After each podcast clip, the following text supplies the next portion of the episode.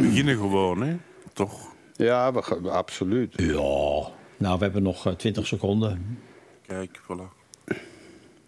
Dus ik heb, we hebben ik heb een sms'je gestuurd. Nog even snel wat scheten laten en boeren en dan kunnen we er tegenaan. Ja. Ja, of we zijn al online, hè? dan weten ze dat nu allemaal. nee. Nee, want eh, dan moet hij hier open knallen in de room. En dat is over... Eh, eh, oh, oh, één seconde. Ja, Ja. en daar gaan we. Lieve mensen, u bent allen welkom aan de praattafel. En de afleveringen schieten op en we raken ook door de zomer heen, door het mooie warme weer.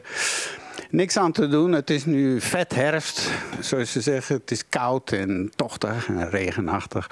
Maar samen gaan we twee uurtjes... eh, eh, samen gaan we twee uurtjes eh, doorbrengen nu aan de praattafel. En dit is voor de podcastaflevering 98 op de radioaflevering 3. En ik heet u allen welkom aan deze praattafel. En het is ook aan eh, luisteraars die willen meechatten. Die kunnen dadelijk in de chatroom gaan we allemaal uitleggen. Bovendien heet ik iedereen welkom. En we gaan beginnen aan de 98ste van de praattafels. Radio Centraal presenteert de Praattafel. Uw afspraak voor een goed gesprek. Is van Mario en uw favoriete Chris. Zeker weten. We zijn er allemaal. Eh, er is nog was geen verbinding met eh, dingen. Eh, misschien hebben ze de verkeerde link daar. Moet ik even op zeggen. In elk geval heet ik mijzelf hartelijk welkom. Ik ben Istvan Lelussi. Ik bevind mij in Oudbergen in Antwerpen. En namens mij zeg ik heel hartelijk welkom. En eh, uit Rotterdam in het verre Nederland. En hier regent het ook. Het komt met bakken naar beneden. Maar ja, hè, zo is het leven nou eenmaal. De boeren zullen er blij mee zijn. Maar ik ben Mario Regat en ik hoop dat het een leuke show wordt. Ja, en uw favoriete Chris is ook van de partij. Het, het regent hier ook in Antwerpen. Dus ja, dan zullen wij maar het zonnetje in huis brengen via deze zender en podcast. Zo gaan we dat doen. Eh, we hebben een chatroom. Als je naar onze website gaat, dat is praattafel.be, vind je bovenaan een knoppetje en dan kan je chatten. En dan gaan we kijken of dat we je live kunnen helpen als je een vraag hebt of een probleem of een suggestie. Of je wil nog iets duidelijker over. Of je wil gewoon even meelullen. dat mag ook. Eh, ja, eh, maar ik zie hem hier nog niet. Ik zie hier nog de verbinding met. Nou ja, we gaan gewoon rustig verder. We zullen het dadelijk oplossen, anders draaien we een plaatje. Hè? Dat doen ze dan op de radio. Ik zal nog even snel proberen te omschrijven wat we gaan doen. Vandaag in de 98ste gaan we het zeker niet hebben over Russen en over hoe je een armen moet breken. Ook niet over shrinkflation. En een Belgische minister die, eh, van Justitie die zich toch een beetje zorgen moet maken. Pek en veren hebben we ook. Die gaan naar een parkeerapp. Ook twee Darwin Awards over kippen en hanen en chimpansees. Het is vandaag eh, veel aan Mario over DNA en genen en zo en blablabla. De Darwin eh, hebben we gehad. En dan de populariteit van moord, podcast die echte moorden oplossen. Valspelende schakers en eh, neusbijtende vega-slagers. Ten slotte wat biomimicry over duivelsroggen en gedicht erbij. Wordt heel mooi onder een appelboom allemaal samen. En ten slotte gaan we nog een rondje Cosmos doen. En eh, waarin we ook gaan luisteren naar een heel leuk liedje. Die eh, nieuwe hymne is van het Amerikaanse eh, Space Force. Hoe zou je dat... luchtmacht, ruimtemacht. Hè? Ja, de, de ruimtepolitie. Ach ja. Bedacht door, eh, door Trump, dacht ik. Ja. Triest, maar waar. Ja. Hey, jongens, pikken jullie het even op. Ik moet even met Daniel gaan controleren. Want die, eh, daar nou ja, dan begin... op de een of andere Ja, dus- manier... eh, lukt dat niet? Wacht, ik ga nog eens één keer de mengpaneel... We hebben een pik en veren. We hebben een pik en veren. En dat gaat het Ja. schijnt over een parkeerapp, Mario, heb ik gehoord. Ja, een parkeerapp. Het is niet te geloven. Klaarblijkelijk eh, hebben ze toch niet al te goed nagedacht... wat de consequenties zijn van zo'n handige parkeerapp... die de boel in de gaten houdt. Eh, eh, en dus eh, het wordt dus nu op grote schaal, althans dat, mogelijk op op grote schaal, wordt dat misbruikt eigenlijk. En ik vraag me af hoe dat dan precies werkt. Weet jij hoe dat werkt? Ja, we gaan het Nee. luisteren. Ik heb daar een clip over. Sorry, ik zal dat even tussendoor toch waar? nog proberen te doen. Eh, het, Right. het, het kwam hier in het journaal. Er was een meneer die zo onderzoek doet. Dat is een ethische hacker. Een ethische hacker. En eh, die vertrouwde dat allemaal niet zo. En met die app en tegenwoordig met de nieuwste apps en parkeergarages werkt op nummerplaatherkenning. Dus als je binnenrijdt, dan wordt je nummerplaat gescand. En als je dan lid bent van die club eh, met zo'n app, ja, dan hoef je heel veel niet te doen. Dat gaat dan allemaal automatisch. Dat is een mooie oplossing. Maar er zit een klein eh, gaatje. Er is een heel klein probleem met dit probleem. En dat heeft die kerel eh, dus beginnen te gaan opzoeken. En eh, nu vertelt hij wat hij gedaan heeft. En dan ben ik die dus beginnen volgen. Ik krijg, eh, na twee dagen kreeg ik al de eerste meldingen. En die mensen die merkten daar dus helemaal niks van. Ik heb Tim zijn nummerplaat ingegeven in de app. En nu, op het moment dat hij binnenrijdt, krijg ik daar een melding van met het precieze adres voor zijn nummerplaat. Ik kan makkelijk de parkeergarage in en uitrijden omdat mijn nummerplaat in de app van het parkeerbedrijf staat en mijn auto wordt herkend door de slimme camera's. Alleen staat mijn plaat niet onder mijn naam, maar onder die van Inti, op zijn telefoon. Er wordt dus niet gecontroleerd of een nummerplaat ook aan de gebruiker van de app toebehoort. Zo is het eenvoudig om mensen op te sporen. De locatie van de parkeergarage zegt ook heel veel over het privéleven van die mensen. Na twee dagen al kreeg ik een melding van iemand die in een ziekenhuis was geparkeerd. En ik had die direct een berichtje gestuurd van oei, alles oké? En die was heel verwonderd dat ik wist dat hij ergens in een ziekenhuis was opgenomen. VRT gezegd, Linde Merkpoel deed mee aan het experiment. Ik rijd de eh, parking binnen, hartje Brussel, en ik krijg een berichtje van Inti. Veel plezier in Brussel. Achteraf gezien, akelig eigenlijk. Ik denk aan mensen die eh, problemen hebben met stalking. Mensen die eh, ja, door persoonlijke problemen op slechte voet staan met iemand. Ja, je wilt het niet voor hebben. Eh, dat bedoel ik dus. Een groot lek. D- Dit is dus niet prettig. Ja. Ik wilde dat graag. Wacht even hoor. Eh, link gemaild. Oh man, ja. Oké, maar we zijn in elk geval voor onze podcasters bezig. Zo is Eh, het. Zo is het. Ja, hadden we misschien iets eh, eerder moeten doen. Eh, oh, fijn. Ja, er is nog steeds geen Nou ja. Daniel. Eh, ja, dus dit was eh Pek en Veren, die app. Ja, dus, maar ja, die privacy, nu is het dus bijvoorbeeld eh, voor misdadigers en voor allerlei types helemaal niet moeilijk om dus eh, zoiets te doen. Ze kunnen gewoon de straat langs gaan en als je een hele dure auto hebt, zetten ze het kenteken erin in hun app voor het parkeren enzovoort. En ze krijgen een meldingje en ze weten wanneer je daar bent in de parkeergarage enzovoort. Dus of ze kunnen dan je huis gaan vrolijk leegroven. Ja. Of ze kunnen je daar opwachten met een knuppeltje in de parkeergarage. En er zijn, ik weet niet hoeveel honderden afleveringen van misdaadseries. En als, dat ooit in, als iemand dan in een parkeergarage wandelt naar zijn auto. Ik heb dat eigenlijk nog nooit goed af zien lopen. Nee, nee, er zijn van die vreselijke filmpjes die kan je zien. Er was ook een soort van prank in een, een parkeergarage. Waarbij de, dat werd gefilmd, waarbij iemand wil, weg wilde gaan. Die loopt naar zijn auto en die wordt al rennend aangevallen door een clown met een kettingzaag. Dus, en eh, dan zie je dus inderdaad daadwerkelijk iemand rennen voor zijn leven. En dat is dan de grap. Maar ja, eh, de vraag is, hoe, hoe leuk is dat? Hoe leuk is dat? Eh, en ja, en als ze dan tegenwoordig ook nog weten waar je geparkeerd staat... ja, dat is levensgevaarlijk natuurlijk. Maar goed, eh, maar een beetje stalker zal hier ook blij mee zijn met die parkeerapp. Nou ja. Ja, nou ja, inbrekers, stalkers, eh, zoiets eh, reist snel in de, die kringen hoor, zulke informatie. Ik moet toegeven, is van in al mijn enthousiasme ben ik gewoon vergeten waar we het vandaag niet over gaan hebben. Hoe verschrikkelijk is dat? Nou, niet erg, want je, je herinnert er ons aan. En eh, het is een vrije tafel. Hè. We kunnen een beetje af en toe Zeker. gewoon eh, vrijheid eh, genieten. Nou, eh, Ja, ja, vrijheid, blijheid. Ik dacht dat jij iets eh ja. had waar je het niet over wou hebben. Ja, waar dat ik het absoluut niet wil over hebben. Het, ja, de Russen weer. hè. Het is er altijd de Russen.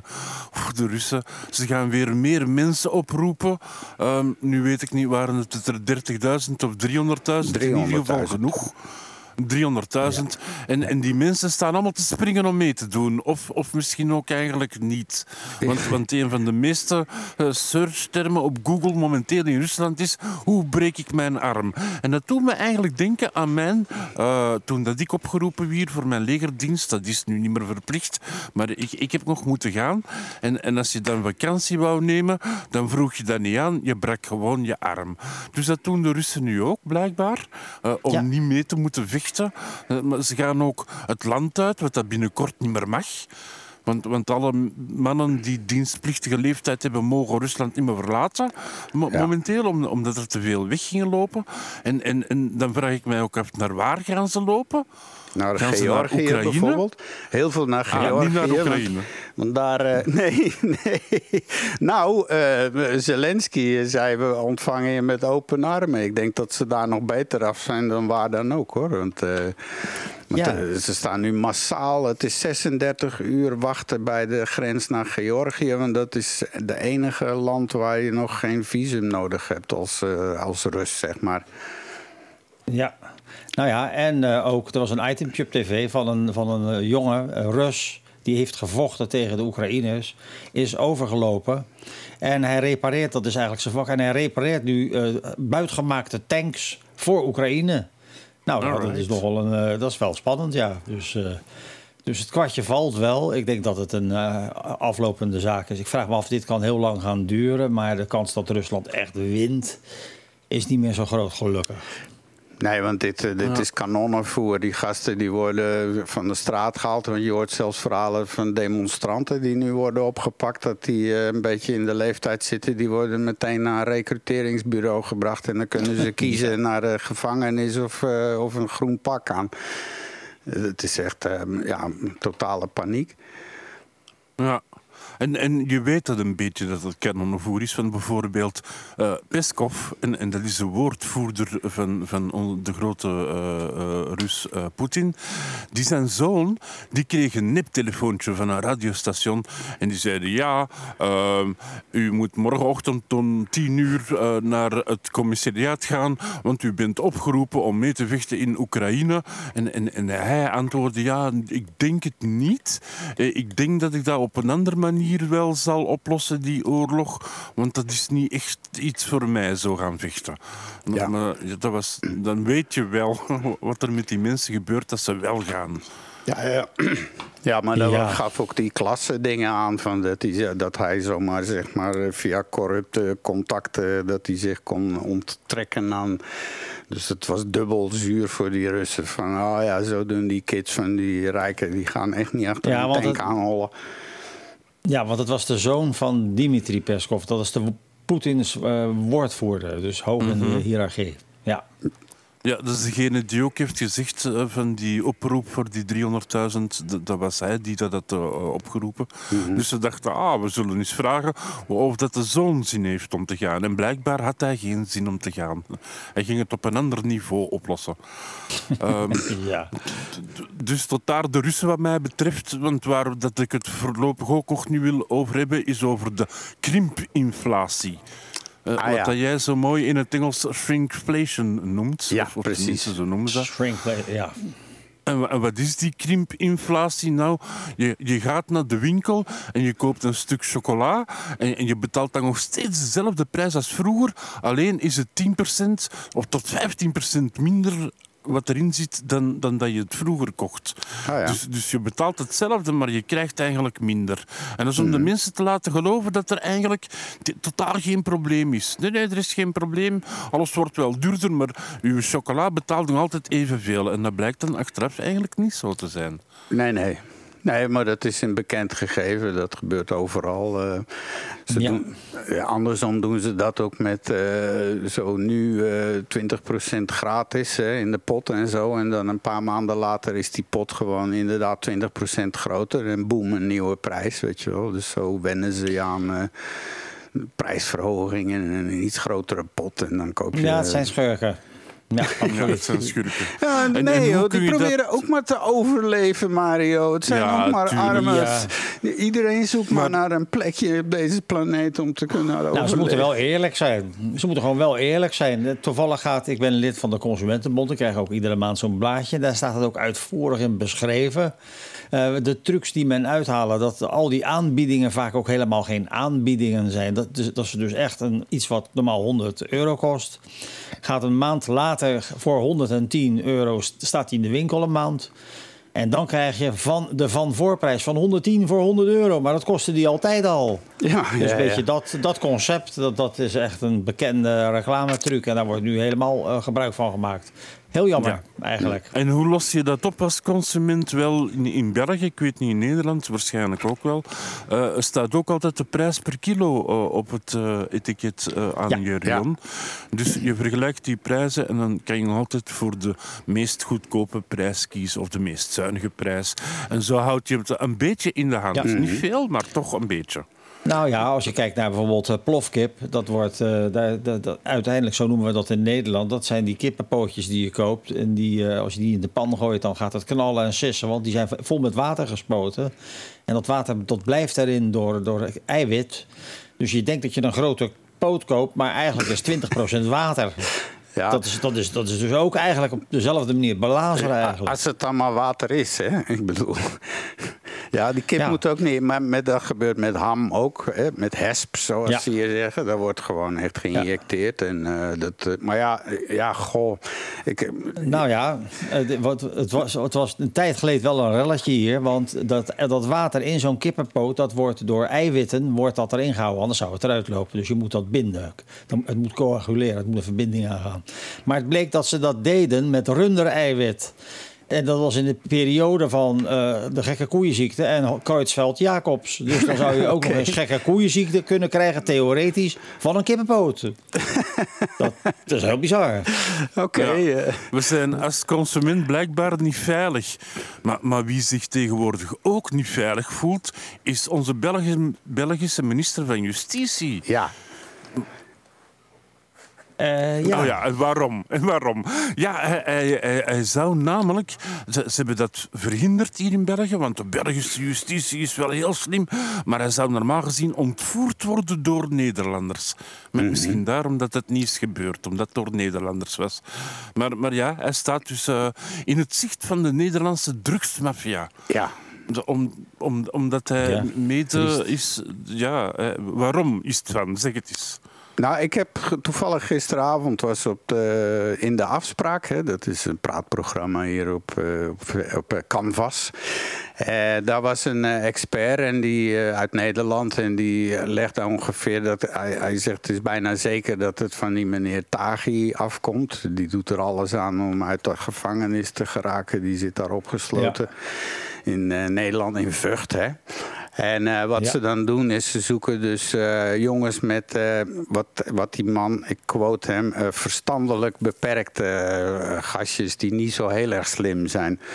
En eh, dus dat bleek ook, want die reden daar dus rond in twee auto's met die, die gele nummerplaten in de buurt van, eh, van dat eh, huis van die minister. Dat valt het natuurlijk helemaal niet op, hè? Zo'n knalgele Nee. Nederlandse nummerplaat hier. Dat is niet slim. En dan hebben ze één auto achtergelaten en daarin werden dus een Kalashnikov en nog wat dingen aangetroffen en zo. En ze ja. zijn teruggereden naar Nederland. Maar ja, tegenwoordig via die ANPR kunnen ze elke auto gewoon in real-time volgen eigenlijk bijna. Dus ja, en die oenen zijn nu in Nederland opgepikt. Maar, maar ja, dat zijn echt domme, domme, domme gasten. Want, eh, want wie bij zijn volle verstand zou zo... En, dat is, en wat hij wel zei, het kan hier ook meer om messaging gaan. Hè? Dus dat hoeft niet eens te lukken, maar gewoon die mannen wat angst invrijven. angst. En Ja, dat is eh, een beetje het Mexicaanse playbook. Dus hou je, maak je borst maar nat, het begint hier nog maar. Binnenkort zullen we hangen de lijken aan de bruggen boven de snelweg en zo. hoor. Let maar op. Nou ja, zeker. Als je dus kijkt hoe het eh, verlo- verloopt. Het is, eh, ze hebben inmiddels ook eh, de, de EWI, dat is zeg maar die inrichting waar Taghi in zit. Dat is eigenlijk een gevangenis in een gevangenis. Dat is een bizar complex. Ik heb er ook eens een docu'tje over gezien. De muren zijn niet recht daar, alles loopt daar krom. En eh, als je daar bent, ben je volledig eh, in verwarring. Je weet niet eh, hoe de in indeling is. Dat is een beetje een, een soort doolhof geworden. En als je daarin zit, dan heb je. ze hebben het nu aangescherpt. Ze mogen nu nog maar één keer per week 10 minuten bellen. En ze mogen. Oh ja, alle bewakers die hebben maskers op, zodat ze niet. Dat is een vreselijke plek om te zijn. Ja, ja. En op de een of andere manier weet die Tagi toch nog eh, boodschappen naar buiten te krijgen. Dus vandaar dat ze er dus nu heel erg streng hebben gemaakt. En nu mag helemaal niks meer eigenlijk. Nee, dus Ja, dan ben je, EBI, zit je de- 23 ja, de extra, Ja, de extra beveiligde inrichting. Ja, ja, ja. in Vught. Ja. Goed zo. Ja, ja, ja, maar eh, toch, die is toch wel extra beveiligd, maar niet goed beveiligd. Nou ja, als je kijkt, de, de, de, de- iedere, iedereen heeft, eh, die daar zit, heeft recht op een advocaat. En hij koos toevallig zijn neef uit. Goh. En die, die wisselde dus briefjes uit Ja. door iets op te schrijven tegen het glas te houden. Want je hebt daar geen, geen fysiek contact, niks. Maar dat is allemaal gestopt. En nu, eh, nu is het enige wat hij nog kan doen, is brieven schrijven. Dat heeft hij gedaan naar een andere die daar zit, Mohammed B. Dat Ja. is degene die levenslang heeft gekregen voor de moord op Theo van Gogh. En dat zijn allemaal eh, brieven die deels in het Arabisch zijn. En het gaat vaak over de islam. En men vermoedt dat er geheime boodschappen in zitten. Ja, maar Dus nog dat gaat interessant ik, ik, worden. Ik, ik las, eh, het wordt nog gekker, want ik las dat die eh, Mohammed Bouyari, zo heet hij in Ne- Nederland, zeggen Ja. ze B, hier in België noemen ze die mannen. Maar die heeft dus Theo van Gogh vermoord, hè, destijds, met dat mes in zijn borst geplant. Ja. Dat is, Ja. zeer, en, en die heeft dus een tijd lang Tagisch eten bereid en zo. Dat was zijn, eh, die Ja. hebben gewoon daar kunnen zitten Nou, babbelen. eh, nee, nee, dat is niet waar wat je nou zegt. Oh. Dus hij, heeft, eh, hij heeft in de keuken gewerkt. Ja. En het, het is dus bezorgd bij Taghi. Maar ze hebben elkaar nog nooit Ah, fysiek gezien of gesproken. Oké. Maar ze Nou, mogen elkaar wel brieven schrijven. gestoken. Wie zag dat zeggen? ja, de- maar, Maar dat die, eh, die B, was dat geen alleenstaande religieuze, beetje fanate gek die eh, Ja. alleen handelde? Ja. En nu zit hij ineens in het drugsmilieu. Nou ja, hij nou, nee, hij, met hij, correspondeert. Ze zaten samen Ja, hij- met Taghi in die EBI. Hè. Ze zaten allebei daar opgesloten. En nu is in Mohammed is nu wel overgeplaatst inmiddels. Maar het is wel zo toch- dat, eh, dat, dat je dus als, als, als je daar zit, heb je geen contact met, met medegevangenen. Dat totaal niet. Oké. Nou, dat willen we maar houden zo. Ei? Ja. Ja, Dus- dat, dat zijn de dingen waar ik het momenteel niet over wou hebben, eh, is het van. Ik, ik denk dat ik de lijst heb afgewerkt. Ja, de- nou ja, we moeten inderdaad die dingen ook oplijsten. Anders ontstaat er een soort eh, inbalans of zo. Eh, ik denk dat we... Nou, pek en veren hebben we gehad. Eh, ik zou nog even het volgende willen vermelden. Had ik in het intro moeten doen. Op 11 oktober aanstaande... dan is het voor de podcast de honderdste aflevering. Jazeker. Yo, yes, yes. En, eh, en dat is toch een hele onderneming, een hele lange rit geweest. Ik ben dat ooit begonnen met Philippe Ozier. En dan is Mario erbij gekomen. En dan zijn we de Wetenschap op Woensdag-serie gaan doen enzovoort. Dat was in de lockdown. En dan eh, is onze Chris erbij gekomen met nog wat andere gasten ertussen en zo. Intussen hebben we een leuk team. Maar eh, nou, die honderdste komt eraan en dat zal zijn op dinsdag 11 oktober. En ook alweer om 11 uur. En weet u wat? Je kan erbij zijn. Je kan er live bij zijn. En waar is doen? waar? Helemaal erbij? Ja, voor, ook maar, persoonlijk. Amai. Ja, ja, gezellig met de mensen die dan eh, kunnen boer roepen of zo, of ons corrigeren. Eieren gooien. Bijvoorbeeld, Kan. ja. ja we Zouden we het dan wel doen? Ja, ik heb Ik nog zo'n drumscherm. Ja, en ik heb nog wel zo'n drumscherm van plexiglas voor drummers, weet je wel, voor het podium. Ah, Oké. Tegen Okay. die Kogelvrij te vallen? Ja, ja. Nee, eivrij. Eivrij ook. Eh, maar waar is zien. te doen? Het is in, in het werkhuis in Borgerhout in Antwerpen. Dat is een, eh, ja, een hele fijne plaats. Dat is in de Zegelst Zavelstraat of Zegelstraat. Maar ja, Zegel. Zegelstraat. Het werkhuis in Borgerhout. Dus zet het in uw agenda op 11 oktober om 11 uur. Ja. Allemaal. En we zorgen voor een kleine verrassing. Hoe klein, Ja. dat gaan we nog bekijken. Maar eh, we laten het u weten. En er mogen geen hooivorken meegenomen worden. Of, Nee. of eieren. Nee. En, we- en we zullen daar allebei eh, onze nieuwe boek signeren. Hè? Oh, dat hebben we nog niet verteld. Hè? We gaan, nee, Oh, Of oké. t-shirts. We brengen een Oh, tattoo-apparaatje mee. Mocht je echt fan zijn van ons, dan kunnen we dat meteen ja. onderhuids vereeuwigen. De- de- de- de- ik, ben, ik heb een redelijk vaste hand wat dat betreft. Dus het moet niet te lang duren, want na een paar biertjes wordt het bibberig. Maar ja, dat zie je op onze website ook. Een beetje hetzelfde lettertype. Oh, dat heb jij geschreven? Nou, ja, Oké, oké. Ik dacht ja. dat dat... eh, ja, ja, nee, oké. Alright. Ja. Eh, we, gaan, Alright. we gaan naar het volgende blok. De praattafel presenteert de Darwin Awards. Ja, zeker weten. Eh, we moeten daar nog een beetje mee op gang komen. Eh, de vorige verkiezing, die heeft, eh, er waren twee kandidaten. Eh, de Chinees die riep van raak geen buitenlanders aan in verband met apenpokken. Die kreeg 0%. Eh, het Sloveense ziekenhuis wat de verkeerde man verbrand heeft, kreeg 0%. Dus eh, Ik, ik heb een voorstel, is het van? Ik heb een voorstel. Ja. Om, om, dit wat meer populairder te maken, eh, sprak ik de marketingman in mezelf aan. En dan dacht ik, oké, misschien moeten we daar een prijs aan hangen. En, en ik heb voor deze week een prijs. Voor, voor de, die wordt dan geloten uit, uit het stukje die de meeste punten krijgt. En die wint deze week geen nieuwe BMW. ah, oké. Oké, vind ik ook. Nou ja, dat is dus een groene, een groene prijs. Absoluut. Hè, dan kan Ja. je zeggen van ik had een BMW, een, een, een, een- een CO2-creërend monster kunnen krijgen, maar ik heb dat niet gedaan. Dat kan je dan in je positieve karma steken, zo hè? Ja. Alright. Ik heb wel eens, vroeger heb ik wel eens een, een, een paar bakstenen ingepakt, ben naar het postkantoor gegaan. En ik heb gezegd, wat kost het versturen naar China? Nou, dat was 40 euro. Ik zeg, ik ga het niet versturen. Mag ik even vangen? Maar dan begrepen ze het niet. Ja, Ik begrijp hem ook principe. Oké. ja, ja. Nou ja, oké. Ja, die, die zetten we in de show notes om over na te Oké. denken. Misschien te Hollands, misschien te Hollands. hey, de eerste.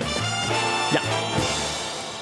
Ja, de eerste is, het is echt Darwi- Darwinees deze week. Dus de eerste is, is van een vrouw, ah, die Timmermans uit Deurne. En, en die bezocht haar lievelingschimpansee Cheetah eh, in de dierentuin van Antwerpen. Maar ze kregen een beetje een ongezonde relatie. Of tenminste, laten we het daar zelf eens uitleggen, is het van. Ik heb eh, een eh, verhouding, zal ik maar zeggen, met, met een aap. En hij heet Cheetah, hij is 38 jaar. Wel, die begint te zwaaien met zijn armen. Of naar omhoog te zwaaien met zijn armen. En dan kusjes geven. En eh, op zijn hoofd krabben. Ja, als je de video ziet, dan zie je die dame dus gehurkt voor zo'n glas. En aan de andere kant staat dat stomme beest eh, eh, ja, ja, te Nou, wrijven. stomme Eh, beest. Ja, het is een stom beest, sorry hoor. Het is een aardig beest, maar die wordt misbruikt gewoon. Dus eh, er gebeurt niks verkeerd. Ik misdoe dat beest niks, want ik kan er ook niet aan. Dus ik vraag me eigen Dat is af, maar goed, hoor. als die anderen dat allemaal mogen, er zijn er zo nog tientallen die dat doen. Waarom ik niet? Wat betekent cheetah voor jou?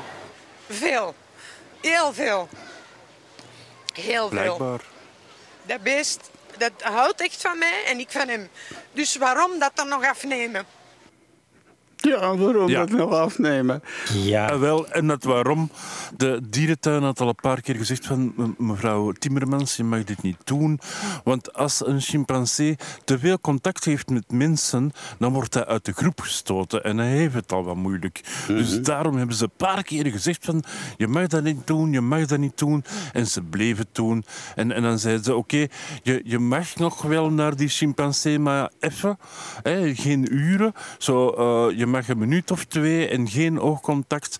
Maar mevrouw bleef gewoon waaien en zoenen en kushandjes sturen. En, en, en dan heeft het zo gezegd, sorry, maar, maar je mag niet meer komen, je bent niet meer welkom. Tja, Ja, nou ja, ik begrijp dat wel. Ja, ik bedoel, we hebben zo, dat, zo, dat gevalletje ook gehad in Nederland met een gorilla, Bokito. Dat was ook een vrouw die iedere dag stond te knipogen naar dat beest. En ze interpreteerde dat verkeerd, want ze dacht echt dat ze een enorme link had. Maar die Bokito die voelde zich eigenlijk gewoon in zijn, in zijn superior- superioriteit aangesproken. En hij werd steeds zagrijniger. En uiteindelijk heeft hij eh, na, na zoveel maanden knipogen, of jaren misschien wel, dat hij op 18 mei eh, over de gracht heen sprong met een enorme sprong, dat is toch meters. En heeft dat mens meegesleurd, die daarbij eh, ernstig gewond raakte. En ze, en ze, eh, diverse breuken, een verbrijzelde hand, meer dan 100 beten. Eh, de vrouw dacht dat ze een speciale relatie had. Eh, Die oh was vier ook, keer, ja. vier, inderdaad, vier dagen per week. En als je dan vraagt van, aan de evolutiebiologen van wat is er dan eigenlijk gebeurd? Nou, dat langdurig aanstaren, dat vindt een gorilla niet prettig. Alleen vrouwtjes die willen paren, die kijken een mannetje intens aan. Dus eigenlijk, eh, als ze zich niet had verzet, dan had ze misschien een paar klappen op de rug gekregen en dan was ze genomen. En dan was het verder oké geweest. Maar ze verzetten zich, ja, dat moet je niet doen. Dus dat is een goede tip. Maak je dat ooit eens mee als vrouw, niks doen, geniet ervan, dan gaat alles goed komen. Oei, oei, gaan we nu problemen krijgen met een bepaalde commissie, een MeToo of zo? Dat- Zwart, daar wil ik niet over denken. Ehm, dus ja, relaties met chimpansees mag niet in de dierentuin, hè? daar gaat het een beetje over. Animal lives matter, hè? Absoluut. Ja. Zo is het. Alright. En, en dan hebben we eh, dus, dus een... Ja, we hebben een tweede kandidaat ook, inderdaad. En, en die komt uit Schilde.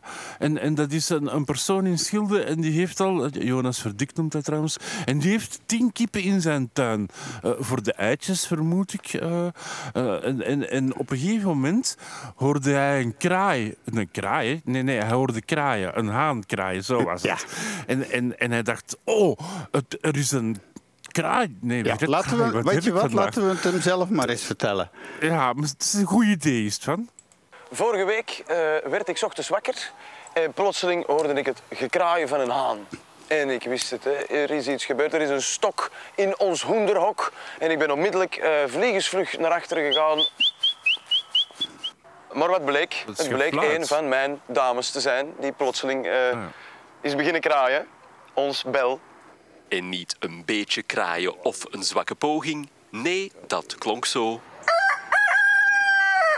Dus je kan ook zien dat ze lichamelijk echt aan het, eh, aan het veranderen is. Ik noem het zelf een, eh, een proces van verhanen. Oké. Ja. Ja, een transgender, dat is grappig.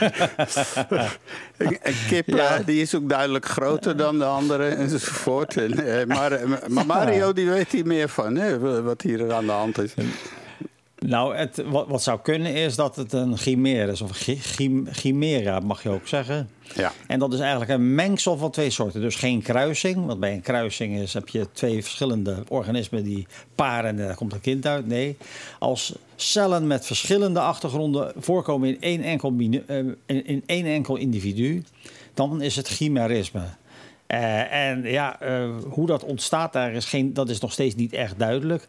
Men, men denkt aan eh, een versmelting in embryo's. eh, en het, dus dat kan. Eh, maar inderdaad, het is heel bizar. Het komt niet zo vaak voor. Het komt zelfs bij mensen voor, heel af en toe. Want een paar jaar geleden was, was een mevrouw eh, was, was zwanger van haar derde kind. En ze ging uit elkaar. Toen ze een uitkering aanvroeg, werd haar gevraagd een DNA-test te ondergaan. Toen bleek ze niet, volgens de DNA-test, niet de moeder te zijn. Nou, dat, dus dat, er kwam toen een aanklacht wegens uitkeringsfraude. En eh daar heeft ze al die tijd aangevochten. En direct na de geboorte van het derde kind, op last van de rechter, werd, zij, werd van haar en van de baby bloedmonsters genomen in aanwezigheid van een getuige. En na twee weken bleek dat zij ook niet de moeder was van het derde kind. Uiteindelijk was ze dat natuurlijk wel, maar dat was dus een chimera. Dus het komt heel zeldzaam, kan het, kan het voorkomen dat, dat dat versmelt. En dat dat een, eh, een heel raar ding oplevert, zal ik maar zeggen. Oké. Nee, ik heb gehoord dat het zo een, een, een natuurlijke wet is dat als er op een gegeven moment, ik, ik denk ook Jurassic Park voorkomt, dat als er alleen maar vrouwtjes zijn, dat de natuur dat bijpast en van een vrouwtje een, een, een mannetje maakt. Oh. Mario, eh, heb ik ooit eens Eh, gehoord. Dat, volgens mij alleen bij lagere dieren. Daar heb je natuurlijk ook wel hermafrodieten en dergelijke. En daar is het, het wisselen van geslacht niet zo moeilijk. Maar ik denk bij hoger gewer- gewerveld leven. dan zal dat bij, bijna niet voorkomen. Dat, dat lijkt me niet. Maar inderdaad, ik weet wel bij insecten en dergelijke. En ook bij crustacea, bij kreeftachtigen. dan kan er van geslacht gewisseld worden. afhankelijk van de behoefte. Eh, en het is ook handig. Nu Ja, maar dat is hoger gewerveld leven. Dus dat moet dan uitzonderlijk zijn misschien. Ja. Dus eh, het, het is wel een interessant iets, moet ik zeggen. Ja, absoluut. echt- En dat is dan onze Darwin-kandidaat 2.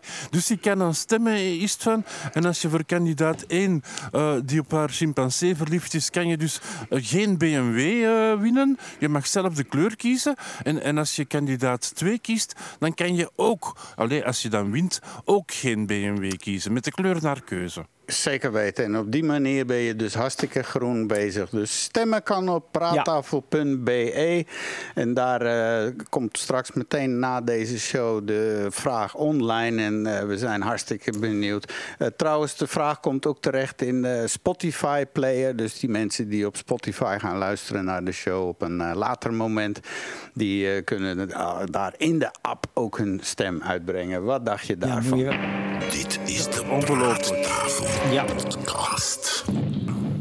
moet je wel even goed de datum vermelden, denk ik.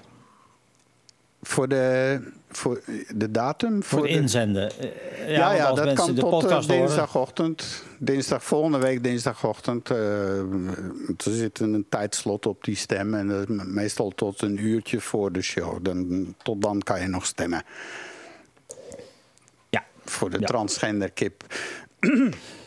En voor de dingen. Eh alright, laten we eens even kijken. Oh, we schieten lekker op vandaag zeg. Ehm, ik denk, ja, we gaan dan maar het, eh, het nieuwsblok bekijken. Eh, Ja, en, en daar hadden we wat diverse bijdragen. Maar, eh, Chris maar eerst. Eh, Ja. De, eh, in 1979 begroef Sylvia, eh, jammer genoeg, haar vader John. In, in Park Cemetery, eh, dat is ergens in Oakland. En, en al 43 jaar gaat ze dat graf bezoeken met haar moeder en, en versieren met bloemetjes. Maar wat blijkt er nu? Dat het het verkeerde graf is. Er staat een verkeerd plaatje op het graf.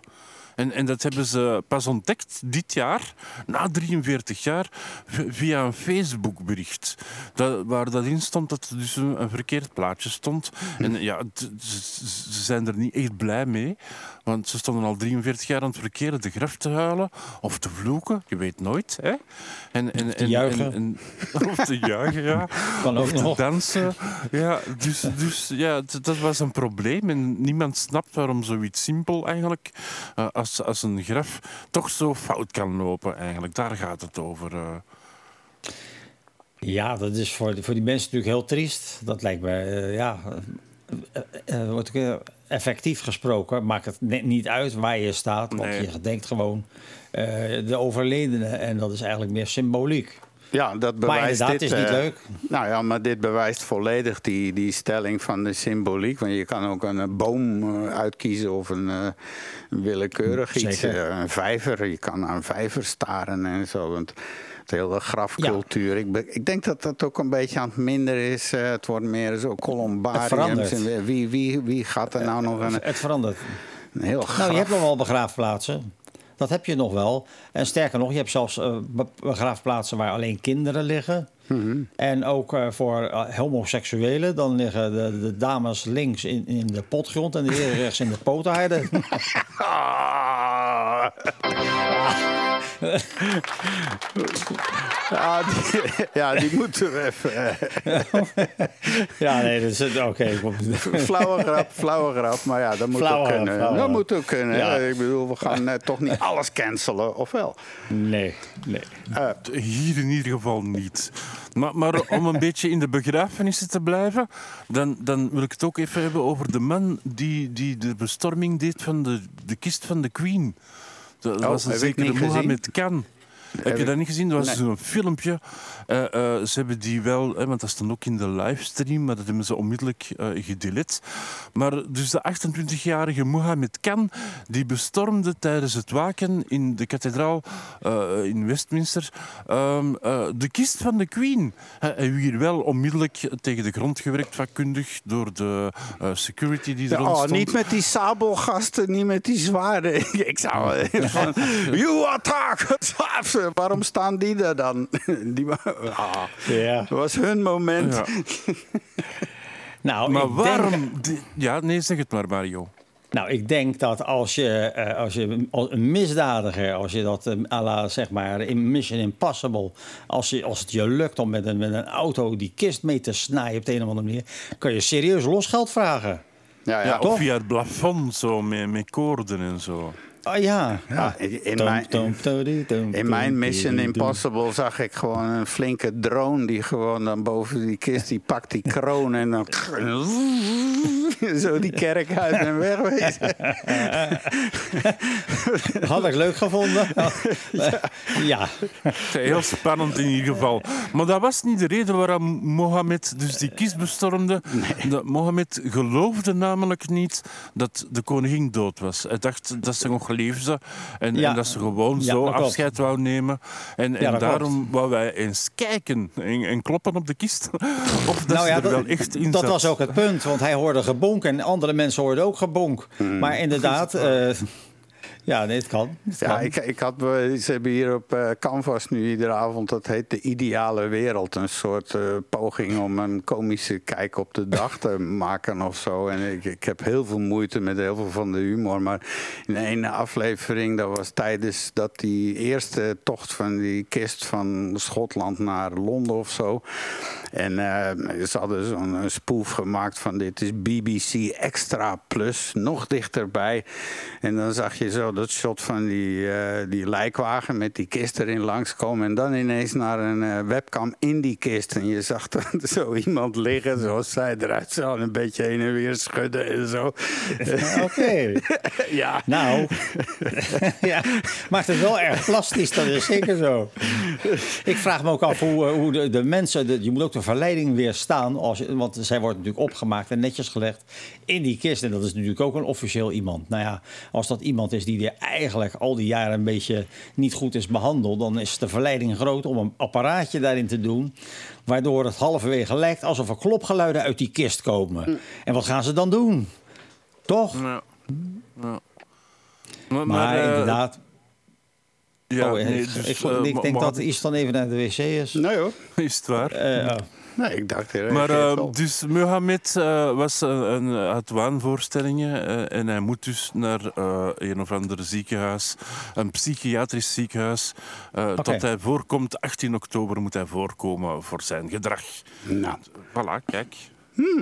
Ja. Ja. nou ja, goed. eh, Oké, eh, dat is eh, gelukkig voor hem dat hij niet neergehakt is door die hellebaarde, zwaaiende mannen. Eh, en die zwaarden zeker. Van die officieren en zo. Het is heel lucky. Nou, Hij zal wel Mario, een jij nieuwtje? En Eh, wel een taakstraf zal die krijgen, inderdaad. Even kijken, wat had ik ook alweer? Oh ja, dat, eh, het gedoe met eh, de, de, de, scha- de schaakwereld, die verbijsterd zijn. Want ja, de wereldkampioen, Magnus Carlsen, die, die deed online een één met een paard en stopte er gelijk mee. Eh, en dan, en de, het scherm ging op zwart en de wereldkampioen is verdwenen. En waarom? Waarom doet, een, doet de huidige wereldkampioen dat? Omdat hij denkt dat er een 19-jarige valspeler is waar hij die tegen speelt. Eh, en men vermoedt, eh, dat, is ook, dat, dat denkt men ook, want men wordt bijzonder goed gecontroleerd als, als je dus nu inderdaad gewoon op dat niveau speelt. Dan loert zeg maar valspelen om de hoek. En het is iemand die dat vroeger ook al eerder had gedaan. Dus, eh, en eh, volgens die Magnus Carlsen, eh, zo ontspannen als die, dat hij erbij zat, die, die tegenstander van hem. En begon hij al te vermoeden dat het toch wel een hele, hele rare toestand was eigenlijk. Dus die Amerikaan, die, die, die, die verdacht hij eigenlijk van vals spelen. En eh, men dacht eigenlijk, toen men er goed over ging nadenken... de enige manier waarop dat kan is met een buttplug op afstand.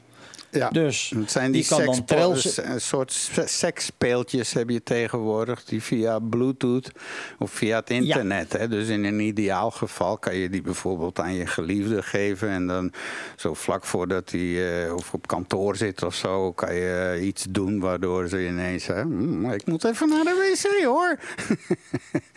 Nou, buiten, eh, buiten dat, nou, dat, dat dus zou let op kunnen. als Want, mensen te vaak naar de wc moeten op de werkvloer. nou ja, je vraagt je af hoe doet hij dat dan? Ik heb daar ook over nagedacht. Want als je een schaakspel neemt, nou, dat heeft eh, acht horizontale en acht verticale rijen. En nou, de horizontale rijen, dat gaat van A tot en met H. En verticaal gaat dat van 1 tot en met 8. Ja. Dus als je bijvoorbeeld, eh, dus dan is het niet zo moeilijk. Dus met vier trilcodes heb je twee zetten. Een soort kan je maken. morse. Morse is niet moeilijk Nou, te dat, leren. dat- ja, maar dat hoeft niet eens. Als bijvoorbeeld eh, A3 naar, eh, dus laten we zeggen, paard B3 mo- gaat naar, eh, als ik het goed eruit reken, D5. Ja, bijvoorbeeld. Nou, dan is het dus A. Dus dan, als je dan. De eerste rij zijn acht codes. en verticaal zijn het acht codes. Dus je hebt steeds maar twee rijtjes van hooguit acht trildingetjes. ja, Je hebt niet eens mors nodig. nee. Dus uiteindelijk kan het dus wel.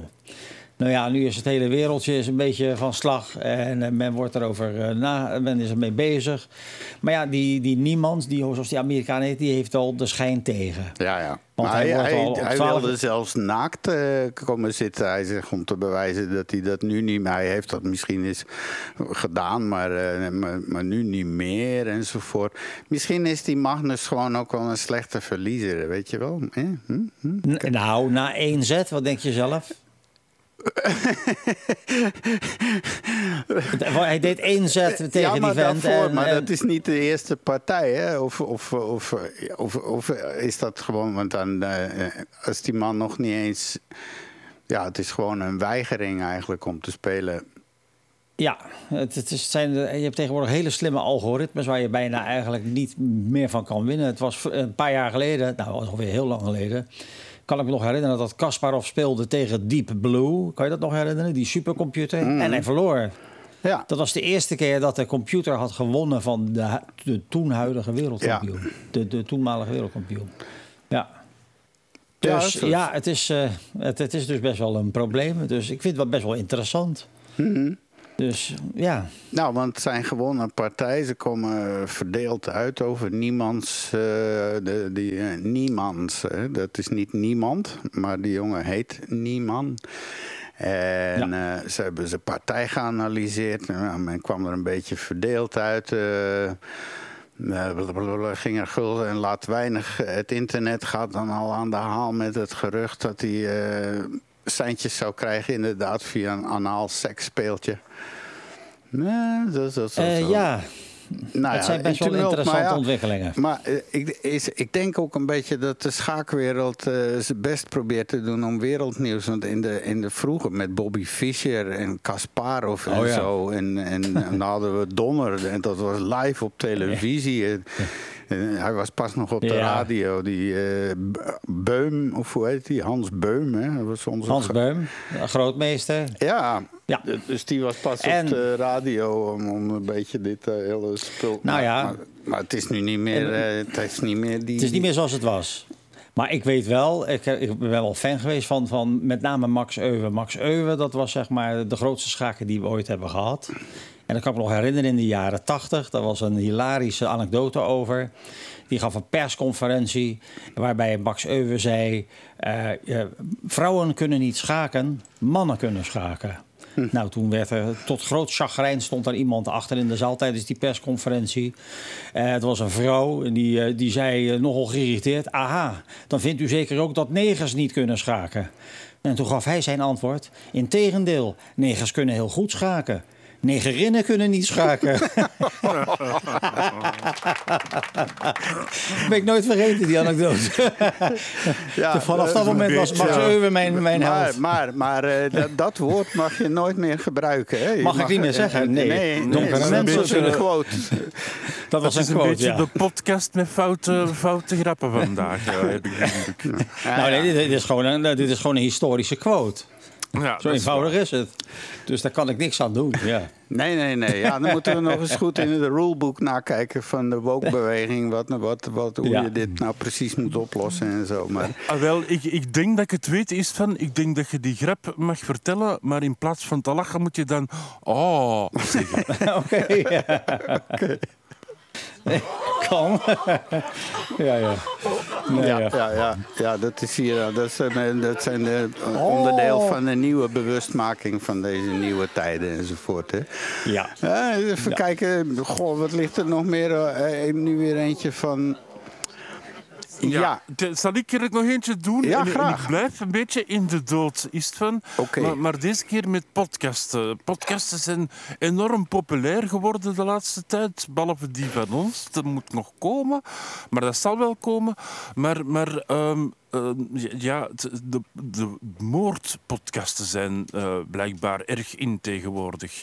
En, en eh, ik kan me voorstellen, ik kijk af en toe Only Murders in the Building van Martin Shore eh, en, en Steve Martin, die dus een podcast hebben over een moord die in hun gebouw, appartementsgebouw gebeurt. Heel leuk om te zien. Maar wat blijkt nu, om terug naar het nieuws te gaan, dat moordpodcasten niet alleen populair zijn, maar ze lossen ook moorden op. Eh, en dat is dan wel iets nieuws. Ja, ja. Eh, want Ja. ze hebben bijvoorbeeld, eh, in, in- en dat is dan vooral Amerika en Australië, eh Adnat Syed vrijgekregen, die beschuldigd was van, van een moord op zijn ex-vriendin. En, en volgens die podcast heeft dan zodanig eh, uitgedokterd dat hij het helemaal niet gedaan heeft. En hij is nu ook vrij. En, en, en dat gebeurt meerdere keren blijkbaar bij sommige podcasts. Nou, hij En- gaat en volgens- opnieuw terecht staan, want eh, er, is nu, zijn mededaders gevonden en eh, hij is nu vrijgelaten, maar eh, hij had er wel mee te maken. Maar het was gewoon, maar goed, dat is een kleine verduidelijking. Maar Absoluut. Hij is geen heel brave kerel, hoor. wel. Ja, hij was toch een Ja. beetje schuldig dan.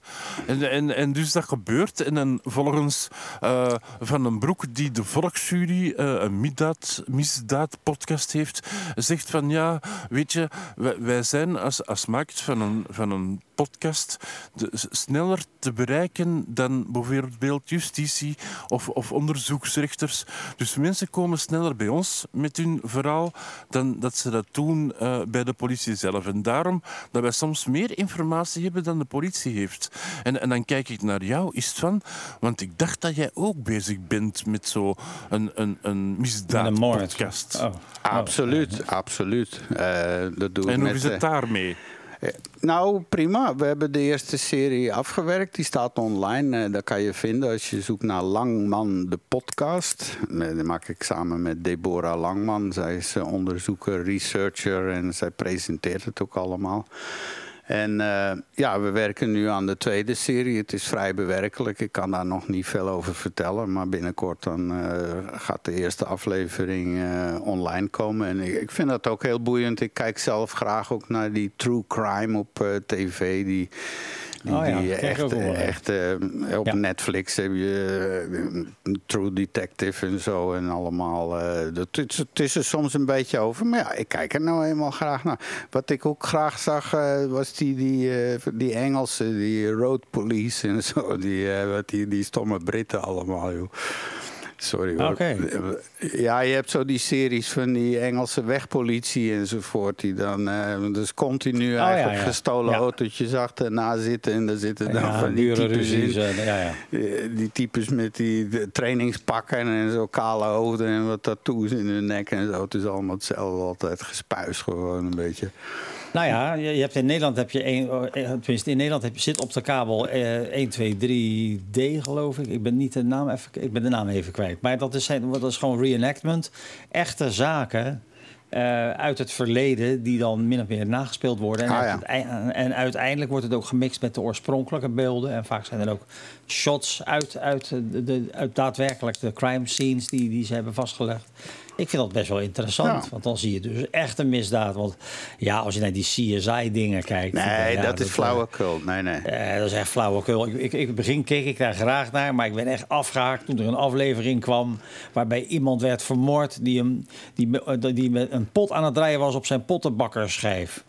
En dat ze dus uiteindelijk de moord hebben opgelost door de pot af te spelen. Als een soort Edison-rol met een... eh, ja, sorry hoor, opzouten. Dat- dat- dat- Daar kan ik echt helemaal niks mee, joh.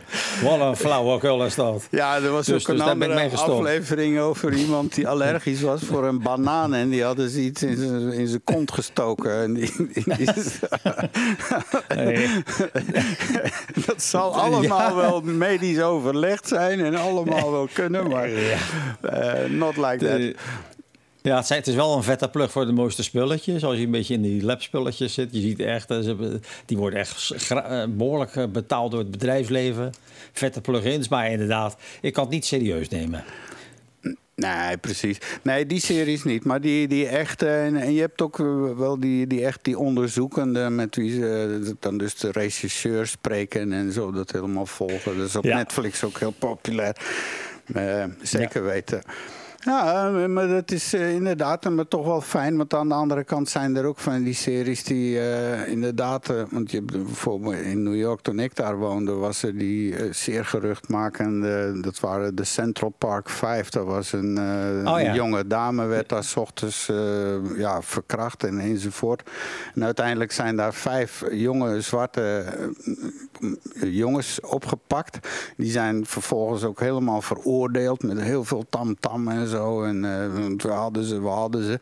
En jaren later ook weer door een, of door een tv-serie of ook weer door onafhankelijk bleek dat die jongens dus inderdaad totaal onschuldig waren en de werkelijke dader. En toen zijn ze met een hoop. Er is ook een serie Ja. over op eh, Netflix. Het is, eh, het is best wel pakkend. Eh, Zeker. Als je kijkt, eh, best wel, er worden veel mensen vermalen. eh, Denk maar aan in Engeland, de Birmingham Six en de Guildford Four, kan ik me nog herinneren. Mhm. Dat die bleken dus ook allemaal onschuldig te zijn. Maar ja, eh, vaak hebben dat soort onderzoeksgroepen bij de politie vaak ook een beetje last van kokerzicht. Dus die, die willen iets zien en nemen dan ook verder niets meer in overweging. En die moet het dan zijn.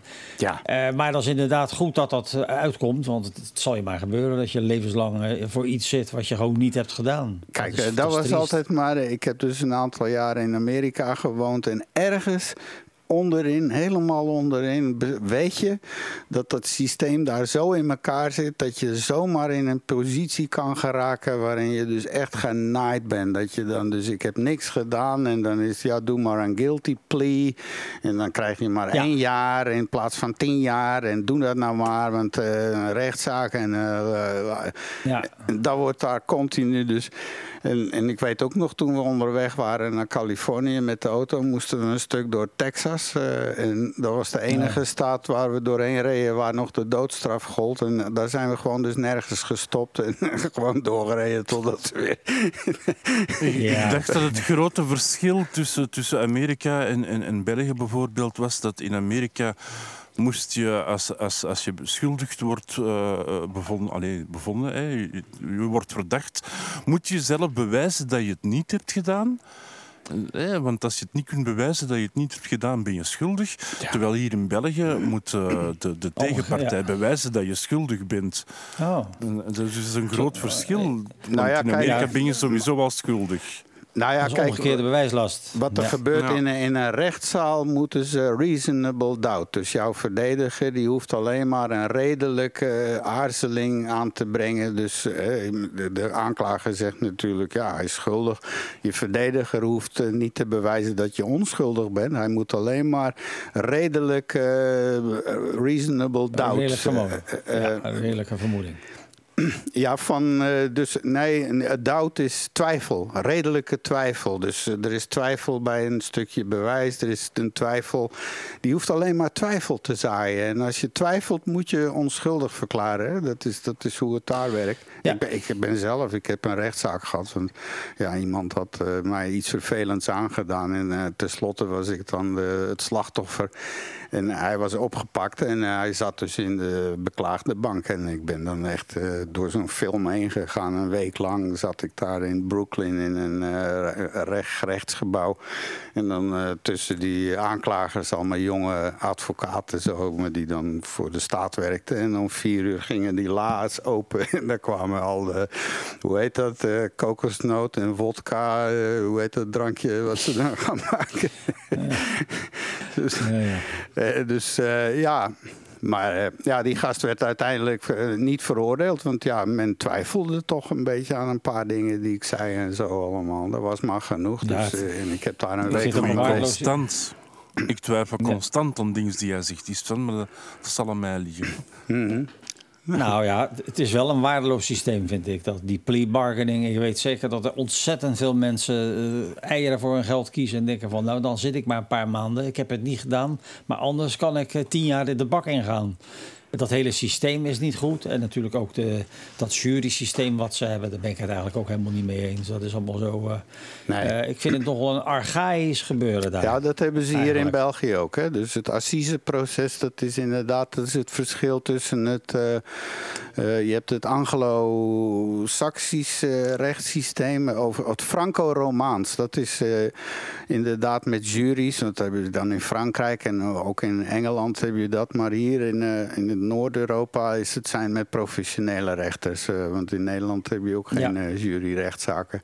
Dus dat is zo twee, twee. Want hier in België is het zo dat de hele zaak moet bij de assise van A tot Z. Het moet allemaal, alles op tafel moet gelegd worden, alles moet openbaar gemaakt worden. Dus, dus het hele onderzoek, hele, alles, alles moet helemaal opgerakeld worden, alle plezies enzovoort.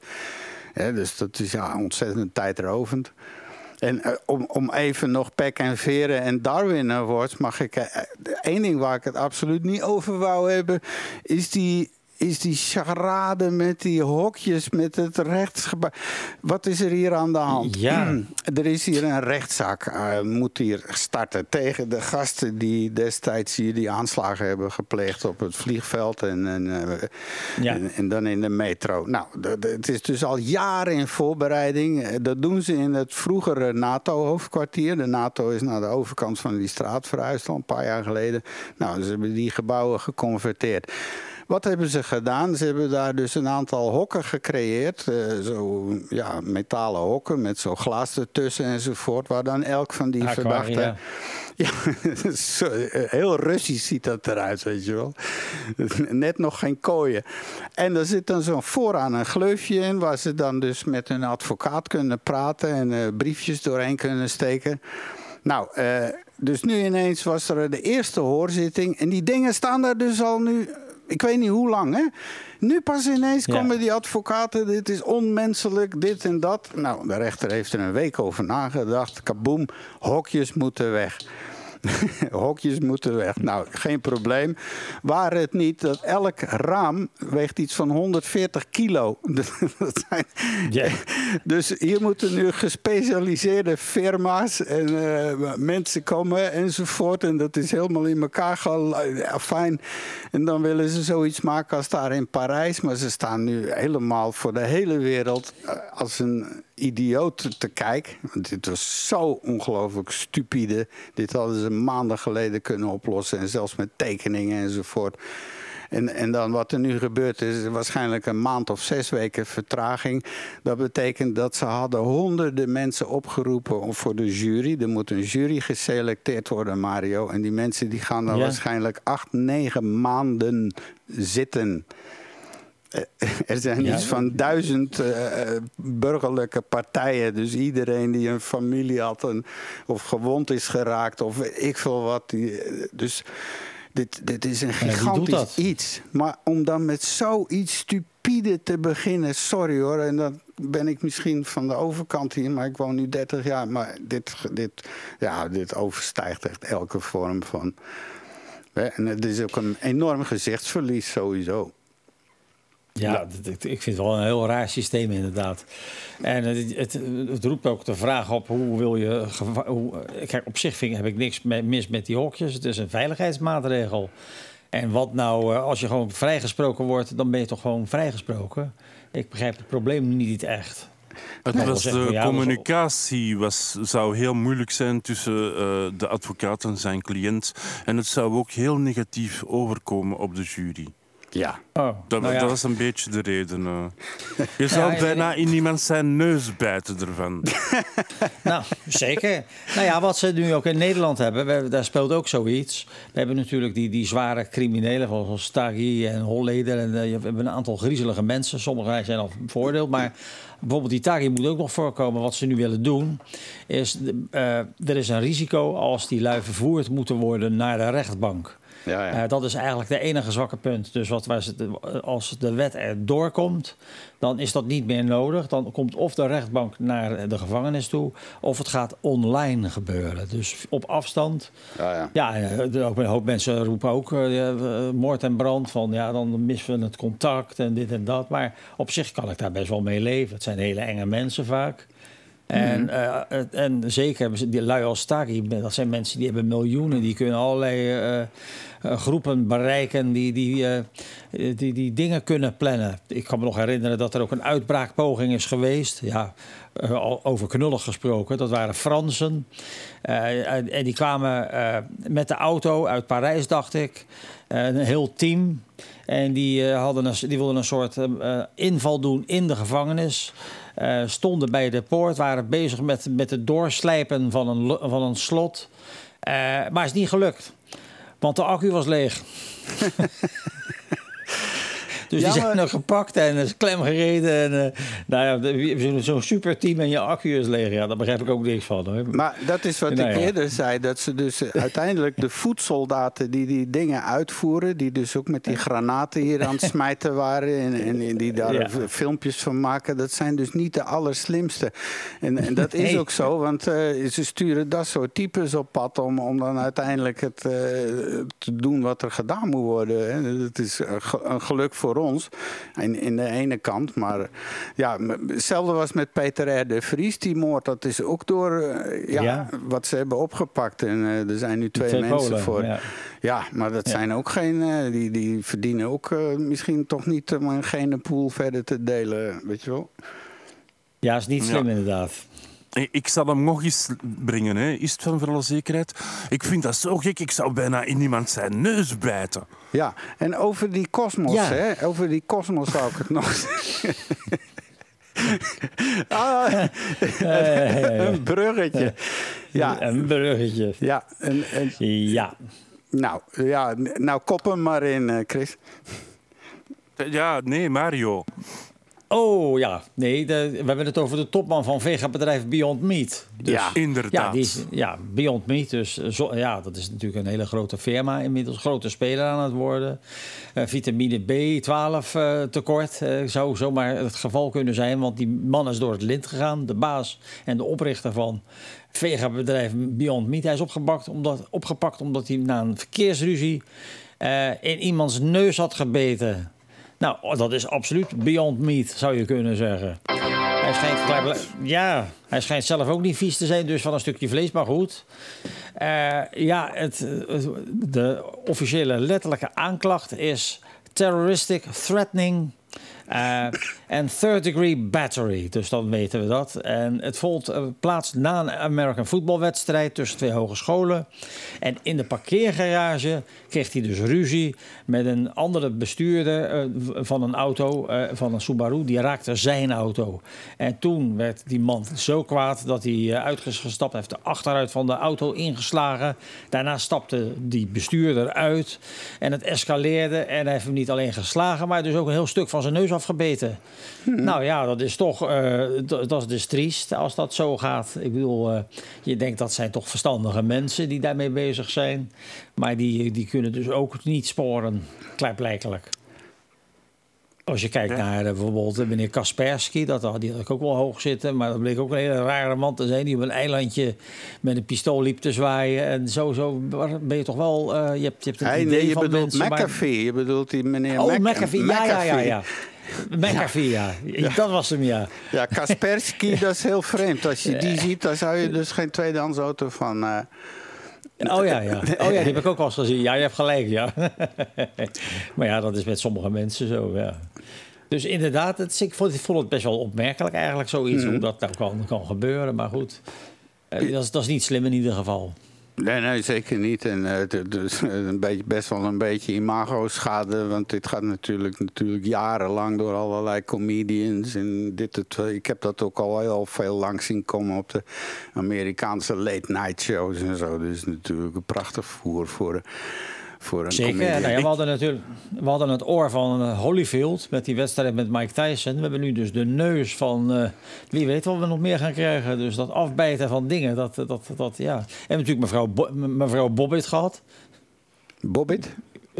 Bobbitt, de vrouw die zeg maar de penis van meneer Bobbitt afbeet.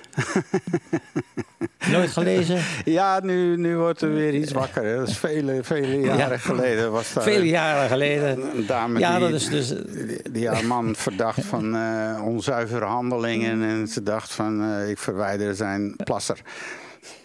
Ja, en wie weet is toen die topman van Vega eh, eh, gaan denken van... nou, misschien moet ik iets met vlees gaan doen. dus en dan is, het, dan, is het, dan is het cirkeltje weer rond, zou je kunnen zeggen. Ja. Ik kan me, me moeilijk voorstellen dat ik in een situatie zou komen dat ik op een gegeven moment een, een- zou beginnen bijten. Ja. Ik Ja. kan me moeilijk, bij mezelf moeilijk voorstellen dat dat ooit zou gebeuren. Je, je moet met twee woorden spreken, maar pff, ik zie mij niet direct op een neus eh, staan knauwen. Trouwens, met een vals gebied gaat dat ook wat moeilijker. Ja, maar dat vereist volgens mij een, een, een zodanige adrenaline of iets opstoot. dat Mario, hè, een, een Het rood voor de ogen. eh, Maar letterlijk. dan- bijten? Nee, Nou ik ja, zie me dat niet doen. Ja, maar er- kan een situatie ontstaan dat je gewoon echt door het lint gaat. En dan is alle logica en alle reden is weg. Dat, dat, dat, sommige mensen hebben dat. Het kan zijn dat ja. die twee Die met een neus aan neus, dat die twee neus aan neus tegen elkaar staan te schreeuwen en dat die dan ineens gewoon helemaal even dierlijk wordt. Ik bedoel, ja, dan heb je, maak je wel een punt. Dat is zeker zo. We zijn toch 98% dezelfde DNA als honden en zo ook. Hè? Als chimpansees. En, Ja, zeker. nou, een chimp eh, mevrouw.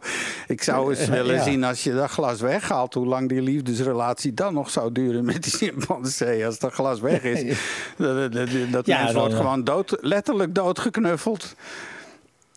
Zou zomaar kunnen. Ja, de spieropbouw is ook totaal anders. Dat is ook wel een aardig detail. Eh, tot vier keer zoveel rendement eh, van een spiercel van een chimpansee en dat van eh, een mens. Ja. Dus als je dus inderdaad een bokser zou hebben of een, zo'n, zo'n MMA-vechter of weet ik veel hoe je dat noemt, die kooi-figuren. Ja, die, die zouden geen, geen kans maken tegen een dwergchimpansee van eh, een kwart van hun gewicht. Nou ja. Dus dat, eh, dat, eh, dat laat een beetje 4% zien hoe kwetsbaar we zijn. 4% scheelt dat dan met zo'n bokser. Bij mij zal dat wel mm, oh, 60% zijn, verschil. Tussen een chimpansee en ikzelf, want mijn spieren zijn niet zo... Ja, ja, ja, dat is zeker. Maar ik ben ook niet sterk of zo. eh, nee, maar ik, ik, ik, ik, heb er weinig moeite mee, moet ik zeggen. Want ik, ik boks ook niet. Maar inderdaad, als je die MMA-kooiwedstrijden ziet, dat is, dat is niet van deze wereld. Dat is een hele, een hele bijzondere wereld. Ja, Ja. Er is in, in Vlaanderen een aflevering, Battlecat, waar dat ik eh, hevig fan van ben. En dat is een vrouwelijke eh eh, bokster, kooivechter. Oh ja. En, Ja. En, en ja, inderdaad, het is een, een, een heel aparte set of mind dat die personen hebben. Ja, ik, ik ken zelf dan. eh, eh, er is één gewichtsklasse die ik wel interessant vind. Dat zie ik heel af en toe. En dat is eh, vrouwen zwaargewicht. En dan de heldin daar is een, een dame die heet mevrouw Gaby Garcia. Nou, google het maar.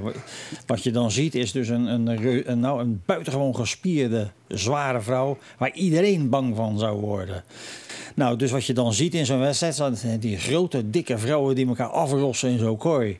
En daar kijk ik dan naar en dan ben ik altijd aan het mijmeren over de zin van het leven. Ja, ja. Begrijp je? D- dit is super populair in eh, Amerika, maar eh, in grote delen van Zuid-Amerika en eh, in, in Engeland ook wel. Die, heel die wrestling. dit is meer die wrestling. Dit is niet hetzelfde als MMA. Hè? Dit, dit, Nee, nee. Dit, dit is, dit is die, eh, ja, met al die gasten, die types en zo. Die World Wrestling en eh, Hulk Hogan had je dan en zo. Ja. Maar, eh, maar die MMA, ik volg regelmatig eh podcast op Spotify van Joe Rogan. Hè? En, en die, die is Ja. een ex-MMA-vechter. En eh, als je die dus daarover hoort praten, die kunnen zomaar drie uur over een gevecht praten. Hè? En over een vechter Ja. praten en over de zus en zo. Dus ongelooflijk diep Ja. daar. Een hele, hele cultuur, een hele cultuur rond het MMA. Want dat, eh, zij pretenderen dat dat echt de hoogste vorm, de meest puurste vorm van, van vechten tussen man en man is. Weet je wel. En, ja. Of vrouw en vrouw. Ja, eh, Ja. dat bedoel ik. Persoon en persoon. Ja, of, eh, of zij die menstrueren en zij die niet menstrueren. Ja, of zij die baren. Nochtans ben ik ook eh, een, een hevige fan van Robot Wars. En dat is dan zonder personen. Of tenminste Oh ja. toch niet in de kooi. Dan, dan staan ze zo met, met afstandsbedieningen eh, robots op elkaar af te vuren. En, en dat is ook Ja. wel leuk op zich. Dat vond ik ook zeker, Robot Wars. Daar keek ik vroeger ook wel naar. Heb je dat nog steeds? Ja, dus nu, is er terug een, een, op tv terug een eh, Robot Wars. Ik denk op Discovery. eh, is er eh, de, de van deze jaar, hè? Ja. ja. Oh, oké. Nou, ik keek daar ook wel graag naar. Ik, leuk hoe mensen tot, tot ja, met name de, de gedachte achter hoe je zo'n ding bouwt. Want het moet onverwoestbaar zijn. Het moet van zich af kunnen bijten en het moet zich kunnen herstellen op de een of andere manier. Dus dat is mechanisch gesproken nogal een klus. Ja, dat is een engineering, engineering paradise. Hè? Want het is, het is pure Zeker. engineering. Het gaat erom eh, hoe sterk is het gebouwd. En je ziet ook de winnaars vaak, eh, die hebben een super simpel ontwerp. Met, met één, eh, alles op eh, één ding. En helemaal geen fancy toestanden erop. Maar eh, ja.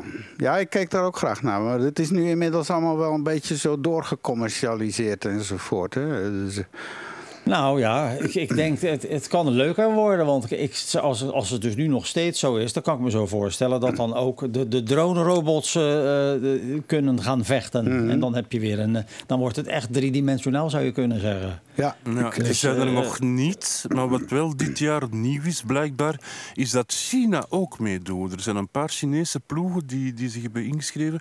En, en die blijken ook altijd te winnen. Oké, ja, ja. Ja, maar- maar die, die- die zullen er wel weer een miljard achter gestoken hebben met een, eh, de Dat hoogste. zou zomaar kunnen. Die, die, die doen, Ja, ik, eh, ik hoorde. Ja, ik hoorde dat de Russen ook meededen, maar die dingen gingen steeds kapot. Ja. met Iraanse onderdelen of zo. ja, nou ja, maar goed, oké.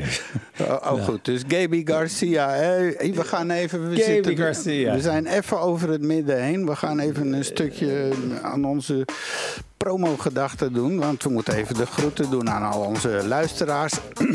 Welkom inmiddels als je nog bent aangeschoven op eh, Radio Centraal. Je bent te gast bij eh, Mario, eh, Chris en Istvan aan de praattafel. We hebben al heel wat leuke onderwerpen gehad. Als je het gemist hebt, kan je het allemaal nog terugluisteren in de podcast op depraattafel.be. Daar kwam weer eens een bericht binnen. Ik zou niet weten van wie. Ehm, ja, eh, wat wou ik zeggen? Dus 11 oktober gaan we live eh, podcasten. Dan gaan we met z'n drieën, alle drie live live bezig zijn tegelijkertijd op een podium. En u kunt daarbij zijn in het werkhuis aan de Zegelstraat in Borgerhout. Dat is dus dinsdag 11 oktober om 11 uur. Eh, ook dan gaan we live op Centraal. Maar we gaan ook live in de zaal en Centraal. En u kunt erbij zijn en misschien meepraten, whatever. En we houden een kleine verrassing voor je in petto. Als je ons wil contacteren, je kan nu eh, op onze website een knop vinden eh, die, die, die chat heet. Er staat chat op. En dan kom je automatisch in een chatroom. Dan kun je hier misschien nog wat vragen stellen. We hebben nog ongeveer drie kwartier en dan gaat de chatroom weer eh, dicht. Maar als je dus mee wilt chatten, dat is misschien het makkelijkste. Eh, ik heb hem ook net op onze Facebookpagina gezet. Daar kan je ons ook vinden. Vind ons leuk. Doe dat. En als je het echt leuk vindt, deel het ook vooral. Eh, laat het weten aan al je vrienden en geliefden hoe tof dit gesprek wel niet is. En hoe meer zielen, hoe meer vreugd. En eh, zeker ook eh, nogmaals welkom aan eh, iedereen die hier nu live luistert via de stream of in de provincie Antwerpen op de radio of DAB. Welkom nogmaals in het tweede uur, wat nu al een kwartier oud is. Ben ik nog iets vergeten? Praattafel.be, website, Facebook, Twitter. Alles, volgens mij heb je alles gehad, inderdaad. En inderdaad de honderdste aflevering. Volgens mij klopt het helemaal. Nou, Ja, ik, ik ben eh, van de week ook voor de eerste keer naar mijn academie geweest, eindelijk. En, en toen dat ik daar was, kwam iemand naar me toe van mijn, van mijn medeleerling en die zei: hey, ik heb jou op de radio gehoord. Dus we Ah. worden populair. Ja, we worden Hartstikke leuk. Ja. ja. Nou, we doen het toch niet voor niks. Langzaam groeit het. En ik zie ook op onze Facebookpagina, die kan je ook leuk vinden. Dan moeten we ook wat meer leuke dingen opzetten, zodat mensen dat leuk vinden enzovoort. Maar Ja. zeker weten. Nou, we gaan eh, verder naar het volgende blokje. Want eh, dat is een serie die we doen. En dat heet, eh, allereerst moeten we dat even fatsoenlijk introduceren. Mario verdwaalt in het land van bio. Zo is het. En eh, deze keer is het eh, Biomimicry. Eh, een serie die geïnspireerd is door een serie podcasts op de BBC. BBC Mimicry, hè, zo. En, Ja. en elke keer vist Mario er een uit. En, de- en het hoofdidee daarachter is dingen die wij dus vooral technologisch of andere dingen leren van onze medebewoners op deze planeet zonder menselijke hersens. Ja, nee, dat klopt helemaal. Nou, En, dank je. hè, het- hè, daar, god, daar wou ik even voor. Nou ja, nee, zeker. Het is eigenlijk wat kunnen we leren van de natuur. In de biologie is mimicry is het nadoen van iets. Dus je hebt inderdaad. Je hebt eh, eh, vlinders die, die ogen op hun vleugels hebben en die doen dan een beest na wat, wat ineens aanvalt of zo. En zo zijn er allerlei manieren waarbij men gebruik maakt van dingen in de natuur. En dat heb je ook bij de mens en de natuur en de technologische ontwikkelingen. En ik wil het vandaag ook hebben over de reuzenmanta. De reuzenmanta is een rog. Sterker nog, de grootste rog die er bestaat. Hij behoort bij de kraakbeenvissen, net als haaien. Dat is ook de reden dat je ook nooit een gefossiliseerde haai of gefossiliseerde ro- rog zal vinden. Alleen hun tanden, want die fossiliseren dan wel. Maar het is dus een enorm beest. Dan praat je dus echt een spanwijdte tot 7 meter. Maximaal 3000 kilo. De lengte kan, is gemiddeld 4,5 meter, maar kan tot 9 meter zijn. Dus dat is een gigantisch beest. Eh, ja, dat is. eh, eh, en en helaas wordt hij ook nogal bevist. Want uiteraard zijn er weer Chinezen die denken dat als je dat ding in stukken hakt, dan kan je er medicijnen van maken. En ook eh, andere landen, Dat doen ze Filipijnen, met Mexico, neushoorns. Mozambique. Dat doen ze met Alles. neushoorns. Dat doen ze met walvissen. Ja, ja, afschuwelijk. Alles. Ja, die Nou ja, er is één uitzondering, hè? Ja. Ja, er is echt één uitzondering. De reuzenpanda. Eigenlijk zouden wij zo'n beest moeten lenen en dan in stukken hakken en dan daar op de markt brengen. Kijken wat ze gaan zeggen. Ja, of hier verkopen op de markt als van heb je een kleine, hier is een beetje panda voor je. Ja, ja. Een broodje panda. Doe mij maar een broodje panden met uitjes. Ja. nou, dan zouden die Chinezen volgens mij echt wel heel boos worden. Ja, ja, shame on them. Nee, het is dus inderdaad triest. Ook die panda wordt, of die, die manta wordt daar gegeten. Maar goed, even terug naar die manta. Het is eigenlijk een soort zwemmende vleugel. Het is een, wat je, als je hem ziet zwemmen, is het een gigantische zwemmende vleugel. Dus hij heeft zijvinnen, maar die, zijn, die gaan helemaal op in het, in het water, in het, in het, het lichaam. Die zijn heel flexibel en het werkt en het doet ook alsof het vliegt, zou je kunnen zeggen. Ze hebben ook nog twee vinnen aan de kop die recht vooruit steken. Dat noemen ze de kopflappen. En die zien eruit als het ware als een soort horens. Vandaar dat hij ook de duivelsvis wordt genoemd. Maar, ja, nee, zeker. Eh, en ze moeten trouwens blijven zwemmen, anders eh, eh, stikken ze. Dus ze moeten eff- effectief het water door hun kieven heen doen. Want als ze stilstaan, dan ge- gebeurt dat niet. En hebben ze geen adem, zou je kunnen zeggen. Tenminste, geen gaswisseling. hoe slapen die dan? Ja, hoe Niet. slapen die dan? Ah, niet. Niet zwemmend. Ze hebben wel verlaagd bewustzijn, maar ze- het blijft wel zwemmen. Alleen dan in, een, in de parkeer, nou ja, niet de parkeerstand, maar op een heel laag tempo. Dus, maar ja, het zijn wel indrukwekkende dieren. En ze zijn ook slim trouwens. Van alle, eh, eh, van alle eh, kraakbeenvissen zijn ze wel het slimst. Met, dat, dat, dat, dat kan je, ja. Maar waarom heb ik het hier over? Ik heb het hier over, want het is een, hij kan iets bijzonders. Want ze leven, in plank, ze leven van plankton. Als je het beest ook ziet. bij de roggen, alle roggen hebben een bek aan de onderkant. Bij hem zit, zit die bek aan de voorkant. Het is een enorme rechthoek. Eh, die dus als het ware eh, als een soort superstofzuiger door de zee heen ploegt. En daarmee plankton eh, naar binnen werkt. En plankton, dat zijn die piepkleine diertjes die je in de zee kan vinden, waar heel veel vissen van leven. Bijvoorbeeld balijnwalvissen, die, die doen dat ook. Die filteren tussen hun balijnen. En dat doet eigenlijk deze rog ook. Maar er is iets bijzonders aan de hand, want het is, hij heeft dus een filter in zijn bek zitten. Die dus, eh, die dus het water eruit filter- filtert en het plankton uiteindelijk naar de slokdarm doet verplaatsen. Maar, nou komt het mooie, dat verstopt nooit. Het verstopt werkelijk nooit. Eh, en, dat kan heel, en dat kan heel handig zijn. Want eh, er is ook een probleem in de zee. Dan, gaan we eventjes terug naar, naar het, het- het menselijk ras. Wij vervuilen de boel, met name plastics, microplastics. Ja, ja. En als je kijkt, dat gaat echt een probleem worden in de zee. Je hebt eigenlijk drie soorten. Je hebt eh, drijvend, zwevend en op, de, en op de bodem liggend plankton. Dat drijvende spul, dat, dat, dat, wordt aan Plastic bedoel je, plastic. Ja, Geen plastic. plankton. Ja. Nee, het- ja, sorry. Ja. Het, het drijvende plastic, het zwevende en het op de, op de bodem liggende plastic.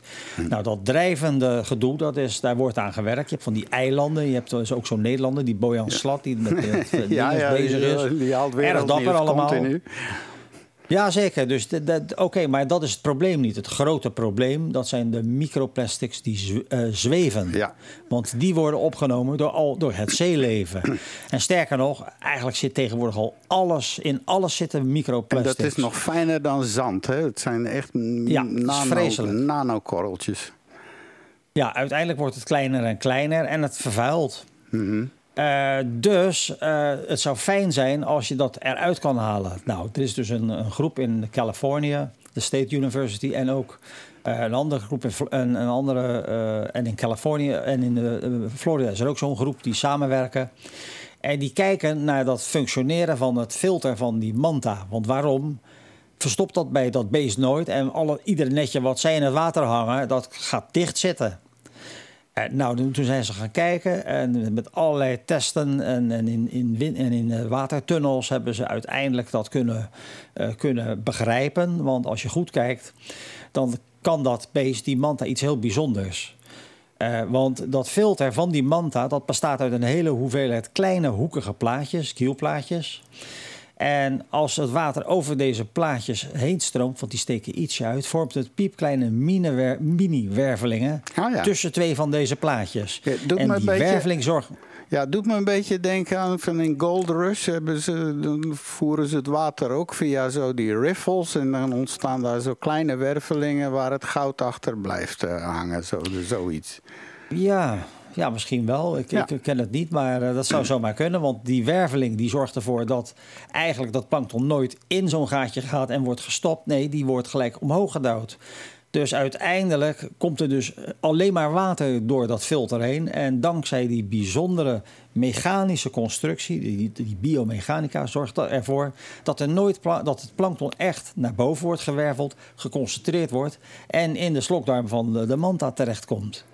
Dus het gaat dus niet door het filter heen en kan dus ook nooit stoppen, verstoppen. Nou, toen hebben dus die wetenschappers een proefopstelling gemaakt met zo'n kielmodel met gekleurd water om die wervelingen zichtbaar te maken. Daaruit kwamen weer wat mathematische modellen. Eh, en het schijnt te werken om die eh, eruit te halen. Nou, er is een andere groep weer in Den Haag, een onderzoeksgroep van de Universiteit van Den Haag, die ontdekte dat alle microplastics die nu in zee komen, voor 90% komen uit 10 rivieren in de wereld. En jullie raden zeker al welke rivieren dat zijn. Eh, dat zijn de, de, de, de, ja, de- de- met name de, de Mekong en eh, alles wat in de derde wereld, eh, zeg maar, eh, loost eigenlijk. Ja, Congo, eh, En Congo, maar ook, ook, maar ook industrielanden, die, die- ja, dat is, dat is gewoon heel naar. Want daar daar zitten ze er niet mee om zo. Hoe heet dat? Vooral de twee grootste vervuilers zijn de, de plastic zakken, hè, de, die je bij de winkel krijgt en zo. En dan de, Ja. de flipflops. Want eh, Oh ja. de, de driekwart van de wereld die loopt eigenlijk op die flipflops. Die maar een paar dagen. En er worden er een miljard per jaar geproduceerd, geloof ik. En, en die drijven daar. Ja, nou ja, dat is een van de grote, grote Ja, ja. Nou ja, het is, eh, het is eigenlijk een, eh, best wel eh, triest dat het zo is. Maar wel mooi dat, het, dat men nu heeft onderzocht. En dat men weet dat 10 van deze 10 rivieren in de wereld 90% van alle microplastics produceren. Want dan kan je daar de boel gaan aanpakken.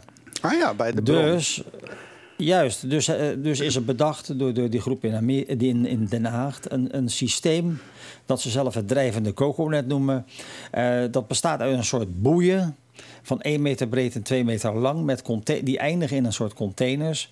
Met hetzelfde filter wat de Manta heeft. En het geheel wordt dus zeg maar verankerd aan, met een betonblok en komt in een vorm in een soort V-vorm in de rivier te liggen, zodat de scheepvaart er geen last van heeft. Die, en, die, en uiteindelijk eh, is de verwachting, want het is allemaal een onderzo- onderzoeksgroep, eh, voor- dat je daar dus eigenlijk zo'n beetje de meeste microplastics ermee uit zou, theoretisch uit zou kunnen filteren. Dus ja, Ja. dat is natuurlijk best wel een hele bizarre ontwikkeling, dankzij de Manta. Maar, maar ik moet toch niet eh, denken aan dat daar die boeien en die containers... en dat daar een hele rij van die mantavissen aan haken vastgehaakt zijn... en in die rivier hangen, toch? Ja, ja. En dat ze Ja, dan dat- de, de plastic Ja. kak opvangen of zo. Nee, toch? hè? Ja. Nee, maar ja, nou, ja, dat kan. Het kan. Denk maar aan die degenkrabben. Dat fotootje heb je wel eens gezien. Al die degenkrabben. Die, de hele rijen degenkrabben die ondersteboven ge, eh, eh, gedraind worden voor hun bloed. En die worden uiteindelijk teruggezet. Dat is precies hetzelfde. Oké. Eigenlijk is dat eh, ja, Nee, nee, best maar wel de- eh, de- dierenmishandeling. Maar hier gaan ze geen manta's ophangen. Hè? Dat is gewoon, ze hebben Nee. dat ge- ge- min of meer na kunnen maken waarschijnlijk. Die, die oppervlakte, Ja. die, die Ja, nee, dat natuurlijk. Ze hebben dat filter, ja, dat filter hebben ze dus inderdaad nagemaakt. Eh, Dus dankzij die mathematische modellen en die, die, eh, die, die kleurwervelingen die ze zo hebben kunnen constateren in, in zo'n tunnel. Maar op zich eh, ja, is het eigenlijk, als dit gaat werken en als het zo is, dan is dat goed nieuws voor de mensheid, zou je kunnen zeggen. Ja. Toch? Nou, ik... eh, Het is wel knap dat zo'n manta dat heeft, want zo'n dier heeft geen handen. Hè. Als je zo, oh, daar Nee. steekt iets in mijn keel, even eruit halen, dat gaat niet, hè, want die heeft geen handen. Dus het is dan Nee. wel knap dat zoiets bestaat. Ja. Nou ja, denk maar aan een, aan, een walvis, de, de balijnwalvis. Die, die- dat zijn ook filtervoeders. Alleen die hebben die fijne balijnen voor hun bek zitten. Oh ja, als, de, ja als, als ze daar wat mee is, hebben ze een probleem natuurlijk. mhm. Dus ja. Alright. Hey, we gaan de sfeer een beetje omgooien van eh, linkerbrein naar rechterbrein. En daarmee bedoel ik left brain is alle wetenschap en nieuws en het scherpe. Rechterbrein is de romantiek, de verbeelding, de creativiteit. En eh, daarom hebben we een prachtig mooi blokje en dat is... Uw favoriete quiz brengt u gedicht erbij. Zo is dat. Ja, dat, dat, dat, klopt helemaal. Is van. En, en ditmaal eh, ga ik een gedicht voorlezen uit een boek. En je zou zeggen, ja, dat is normaal. Maar ik heb dit boek gekregen van een hele goede vriend van mij, Seger. En het is van Gerrit Komrij. En die heeft eigenlijk een samenstelling gedaan van de Nederlandse poëzie van de 19e en 20e eeuw. De duizend enige gedichten. Duizend. Dus ik kan heel wat podcasts doen. Eh, ehm, eh, maar ditmaal heb ik een gedicht gekozen en dat noemt Onder de appelboom. En door wie is dat geschreven? Sorry, nog even. Eh, Door Rutger Kopland. Ah ja, dat is ook wel belangrijk om te vermelden. hè. Dus, alle informatie en links en de tekst kun je straks op de site ook vinden. Maar dat is het gedicht. En ja, u hoort het al. We gaan er iets moois van maken. En Mario, ik zou zeggen, take it away. Onder de appelboom. Ik kwam thuis, het was een uur of acht, en zeldzaam zacht voor de tijd van het jaar. De tuinbank stond klaar onder de appelboom. Ik ging zitten en ik zat te kijken hoe de buurman in zijn tuin nog aan het spitten was. De nacht kwam uit de aarde, een blauwer wordend licht hing in de appelboom. Toen werd het langzaam weer te mooi om waar te zijn. De dingen van de dag verdwenen voor de geur van hooi. Er lag weer speelgoed in het gras en ver weg in het huis lachten de kinderen in het bad. Tot waar ik zat, tot onder de appelboom. En later, hoorde ik de vleugels van ganzen in de hemel, hoorde ik hoe stil en leeg het aan het worden was. Gelukkig kwam er iemand naast mij zitten. Om precies te zijn, jij was het die naast mij kwam. Onder de appelboom, zeldzaam, zacht en dichtbij voor onze leeftijd. Dit is de Praattafel Podcast. Heerlijk. Ik vind het geweldig. Het is mijn- misschien mijn favoriete moment in onze show. Ik ben dank alleen- je, Istvan. eh ja. Nee, nee, dank, dank. Ja, graag gedaan, jongen. Ik meen dat echt. Ik, ik- dit pakt mij, weet je wel. mooi. Dit soort inzet en toewijding, dat grijpt me bij de keel. En, en doet me toeknijpen. En oh my god, het wordt benauwd hier. nee hoor. hey, ja, hartstikke mooi gedicht. We zetten de link en alles en heel de tekst in de show notes. eh, die horen bij praattafel nummer 98. Oeh, spannend. Eh, nog één en dan is het de honderdste, jongens. Eh, brengt dat niet iets teweeg zo? Dat is toch, toch wel wat, hè, Mario? We hebben Ik wat afgeluld, ik word er helemaal stil van. Ja, nee, we, we hebben er een droge bek van gekregen, zou ik maar zeggen. Nee, Ah, ja, dat is ja. absoluut zo. Oké, een kopje koffie erbij. hè? Dat is zo. hm? Ja, oké. Hmm. Ja, maar ik- mijn, mijn secretaresse die is vandaag ziek, dus ik moet het zelf doen, dus dat gaat niet. Nee, onze luisteraars die zitten waarschijnlijk nu aan de lunch. eh, als het broodje is, eh, als het smaakt. Ik weet niet of ze in Balen nog steeds luisteren naar ons op school daar. In ieder geval, als het zo is, de groeten. Nogmaals, eh, vind van alles op Facebook enzovoort over ons. En op de website veel dingen over ons. En alle... We gaan wel wat nieuwe dingen introduceren. Maar ja, dat bewaren we allemaal tot de honderdste. Waarbij je langs mag Zo is het. komen. Live. Hè? Vind het maar leuk op Facebook, zeg maar. Ik kom, ik kom. En dan, wie weet wordt het Ja, echt. en stem op die Darwin, hè, dan kan je geen BMW winnen deze week. En, en, en met, je kan hem helemaal uitrusten zoals je wil. En dan vervolgens krijg je hem niet. Ja. Ja. Eh, hey, eh, ja, vandaag een rondje, eh, ik mag wel zeggen een ronde kosmos. Want ik heb ook eh rondje kosmos met Mario. Want ik heb vanmorgen ook gekeken, maar jij- had het verhaal al klaargezet. Over, de, Ja. over wat er vannacht of zojuist is De gebeurd. DART missie. Yes, Ja. de Double Asteroid Redirection Test. Oftewel DART. Ja. Ja, dat is eigenlijk biljarten. Hè? Dus hebben, eh, ze willen weten of het mogelijk is om inderdaad een planetair object, een planetoïde of een asteroïde, uit zijn baan te tikken. En, dat, en dat is gelukt. Is prachtig, die beelden. Ik denk dat de meeste mensen het wel hebben gezien. Je ziet inderdaad dat eh, vlak voor de inslag begint dat, eh, die, eh, die satelliet foto's te nemen. En je ziet het inderdaad steeds groter worden. En bedenk even hoe moeilijk dat is. Want dat, dat stuk rots waar die tegenaan knotst, is eigenlijk ook een maandje van een wat grotere rots. Dus, en dat draait dus om elkaar heen. En het Ja. geheel draait zeg maar in een grote ring om de zon heen eh, in, in twee jaar tijd. Ja. Dus ga er maar aan staan. De afstand was dat echt 11 een miljoen kilometer. De afstand was 11 miljoen kilometer van ons verwijderd op het moment van Ja. inslag. En dan het, eh, het maandje van de rots was 160 Dimorphos. meter. 160 meter. En, Ja.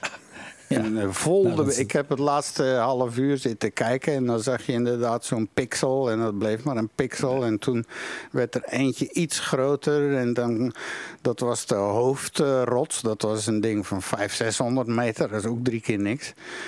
Maar, eh, en dan inderdaad Ja, zag je dat kleintje en dan steeds groter. En dan ja, die laatste foto's, dan zag je echt alle details. Dus. Ja. En nu gaan ze dat ding eh, super in de gaten houden met heel veel eh, kijkers en sp- space antenna's om te zien of het inderdaad effect heeft gehad.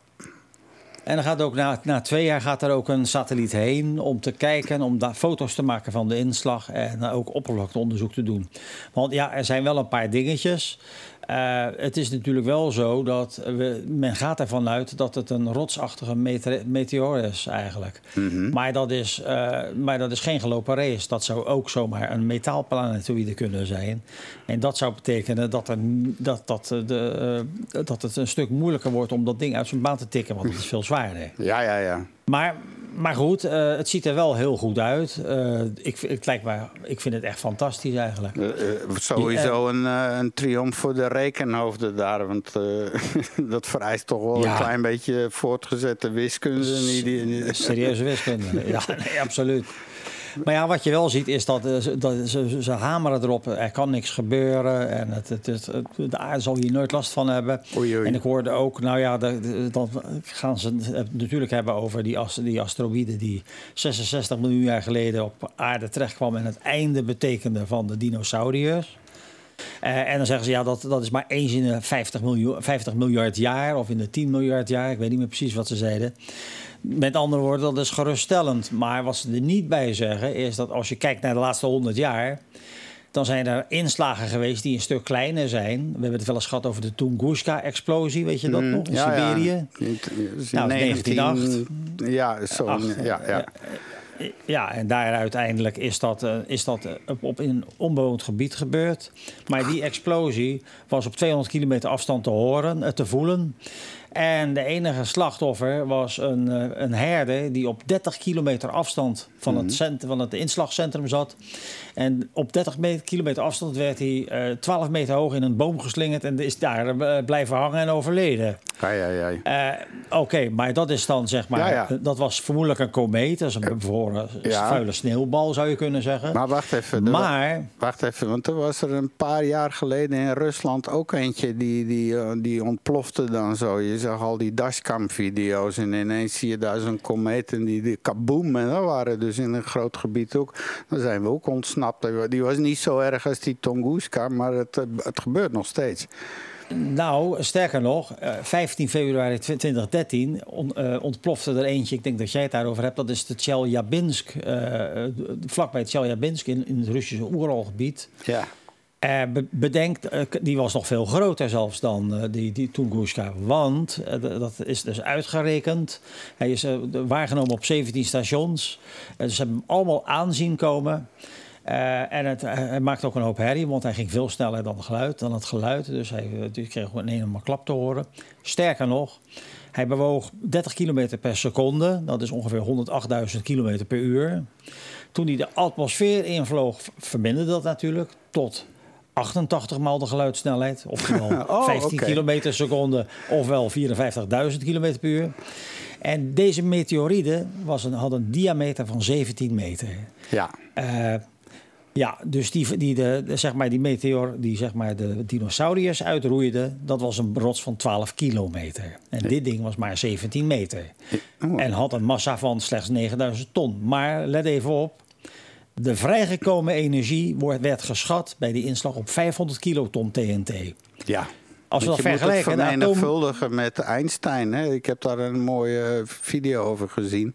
Over hoe die. eh, dat had dan te maken met die kernfusie en die energie die opgeslagen ligt in eh, zo uranium enzovoort. Maar het verandert allemaal door die. hè, door de E is Snelheid. mc2 in het kwadraat. Ja. Dus als je die snelheid, eh, die 50.000 kilometer eh, per uur in het kwadraat doet, dus 50.000 maal 50.000, dan krijg je ineens een hallucinant getal. Hè? Dus zo werkt dat. Nou ja, zeker. zeker. Dus dat was ook inderdaad met, met dat ding. Die was maar 17 meter groot. Had woog 9000 ton. Nou, dat, eh, maar de vrijgekomen energie werd dus geschat op eh, 500 kiloton TNT. Ja. Even vergelijken. De atoombom boven Hiroshima. Dat was Little Boy. Die had een explosiekracht van 15 kiloton TNT. En dit, Ja, ja. dus die brok van 17 meter, 500. Dus dat is, dat is dus eigenlijk een een paar, dat is eigenlijk onvoorstelbaar. De schokgolf van dat ding was zo hevig dat de golf twee keer de aarde rondging. En dat hebben ze dus gemeten met sensoren, want je kan het niet horen, want het is ultrageluid. Maar sensoren die eh, hier en daar het bewijs voor, voor kernproeven moeten registreren. Ah, ja, ja, ja. Die dingen Dus- toch allemaal dus- dus nut, ze ja. Dus ze kunnen wel zeggen van ja, eh, ja het, het, eens in de 50.000 jaar en de mensheid eh, hoeft, hoeft zich geen zorgen te maken. Maar dit zijn al twee inslagen, Tunguska en deze, met die 17 meter, die Tjel- Tjeljabinsk. Dat zijn serieuze klappen. Kijk, gelukkig gebeurde dat in, in onbewoond gebied. Maar ja, als dat ding zou, in, zeg maar, in Florida neer zou zijn gekomen, laten we zeggen op Mar-a-Lago.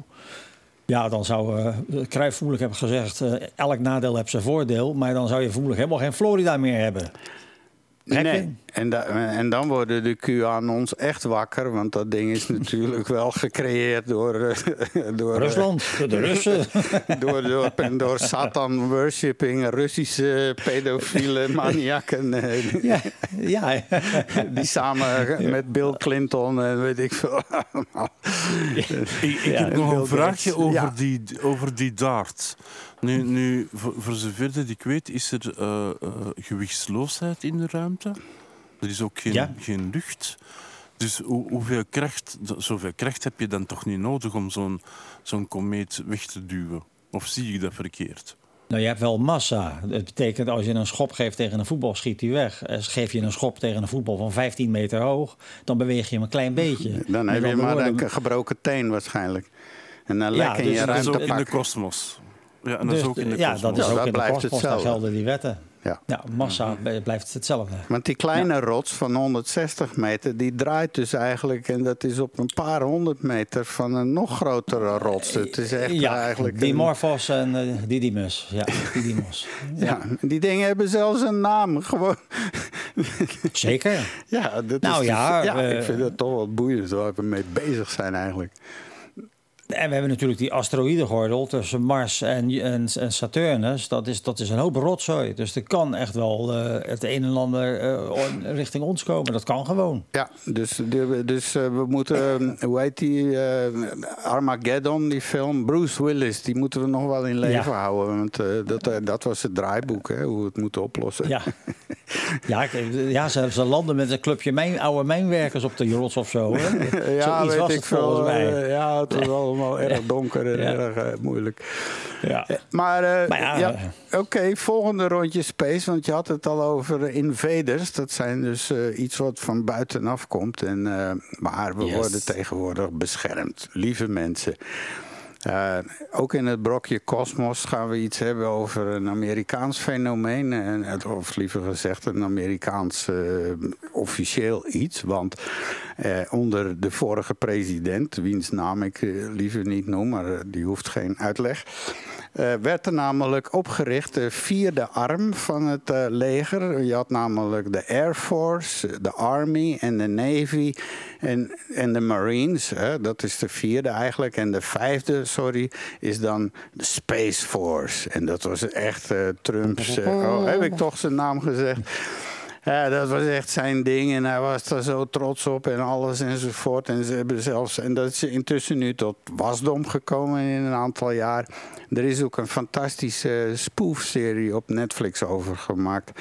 Met, eh, hoe heet die, eh, eh, Carell in de hoofdrol, die, die, die een soort generaal is die een nieuwe Space Force naar zich toe krijgt. En die geen idee wat ze moeten doen, maar ze moeten vooral de Chinezen verslaan, want die willen ook naar de maan. Dus ze gaan dan uiteindelijk ruzie op de maan en zo. Dus ja. echt heel grappig. En eh, m- mijn grote idool, die speelt daar ook in. ik ga die naam zo. Eh, Being, die acteur eh, John Malkovich. Oh ja. Die is fantastisch. De rol van zijn leven doet hij daar. Die leeft zich helemaal uit. En, Oh ja, dat kan me nog wel herinneren. Hij, eh, Ja. hij, is wanhopig bezig de boel omhoog te houden. Met eh, allerlei trucs en zo. Fijn. Maar de Space Force is dus echt, zou je denken. En wereldnieuws, ze hebben twee dagen geleden een officiële hymne. Mario, er is, anthem. Ja, er is een twee anthem. jaar, ja, of een anthem.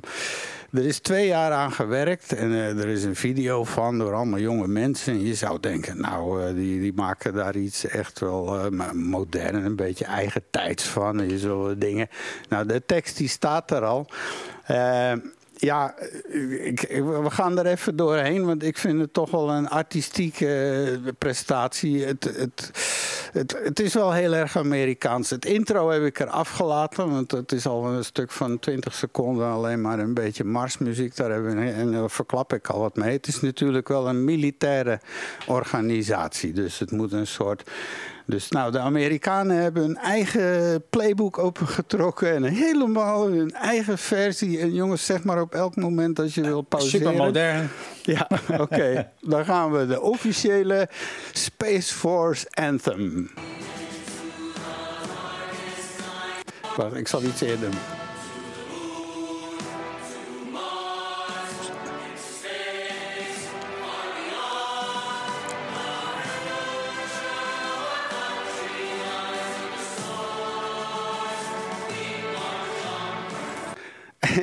to the moon, to Mars, into space, far beyond. The oh, future of our country lies in the stars.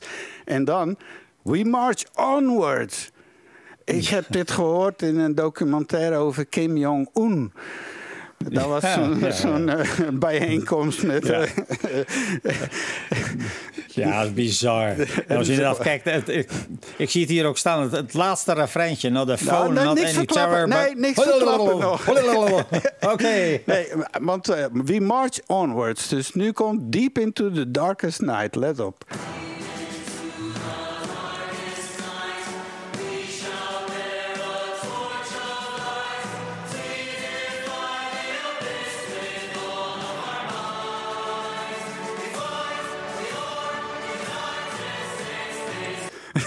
de padvinders, hè? Jongen, we fight, jongen, jongen. we are. the- Maar dat is toch heel vreemd, want het, het, hun, hun, eh, motto is eh, sempre super. Hè? Dus eh, naar boven, always up, up, up. Maar hier hebben ze het over de abyss. Dat snap ik dan niet, want Ja, dat is de- toch de weer... afgrond. We defy the abyss. Dus we gaan de, de afgrond tegenvechten met al onze macht.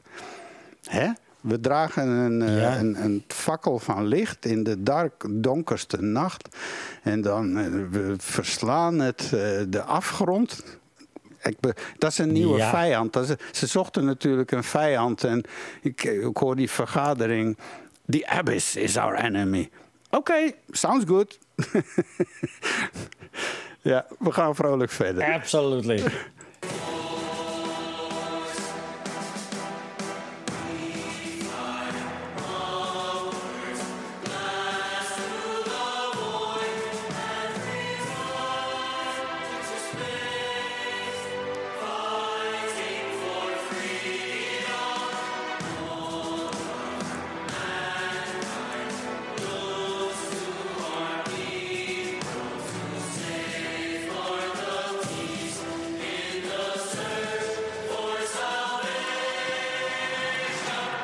Ja, hier wordt het wel eng, vind ik. Want nu... Ja. ja, we Dus, fly ja. upwards, eh, we vliegen door het niets. Eh, we rise into space, fighting for freedom. Eh, dus het begint al met vechten. Het, Ja. het zijn Ja, vechtjassen. Dat is heel raar.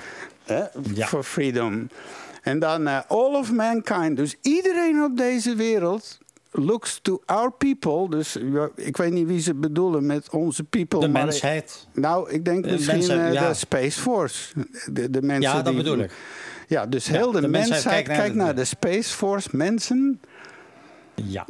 Hè? Of, of, ja, of bedoelen ze dat met Amerikanen of, of, of blanken of, of iets anders? Het is heel slecht. Nee. En dan komt hij. To safeguard the peace in the search for salvation. Dus om, om de vrede te, veilig te stellen in het zoeken naar zaligmaking. Nu, naar naar salvation, dat is eh, zalving, hè? dat is, eh, eh, hoe noem je Verlossing. dat? Verlossing. Verlossing. Nu wordt dat, dat wordt ineens toch religieus. Nu krijgt het toch een religieus tintje. Of, zie, of lees ik dat verkeerd? Nou ja, inderdaad. Het wordt gewoon alsof we dus verlost dienen te worden. Ja. We zoeken dus naar verlossing in de ruimte. Ja. Ja, sorry hoor, Ja. maar eh, fighting for freedom. Misschien moeten we ook eens kijken naar wie het geschreven heeft. En dat blijken dan twee jonge Latino-broeders te zijn. Ehm, Federico en Miguel Ernesto Arango. En die hebben dat geschreven eigenlijk omdat ze hun vonden... Ja, ten eerste wouden ze natuurlijk stoer doen en zeggen... Ja, wij hebben het geschreven voor de Space Force. Maar ten tweede ook vonden ze dat i- iemand die in de Space Force, Space Force zit... moet niet alleen de juiste tools hebben, maar hij moet ook bezitten over wat dapperheid. En En, en dat zou dit eh, eh, lied dus te, te brengen, de dapperheid van de Space Force. Ja, ja. Nou, ik ben benieuwd waar die gasten nog een job gaan krijgen. Want bij Disney maakten ze dit voor het laatst in 1930. Maar we zijn er bijna, lieve mensen. We moeten er nog even doorheen. Het beste komt nog. Eh,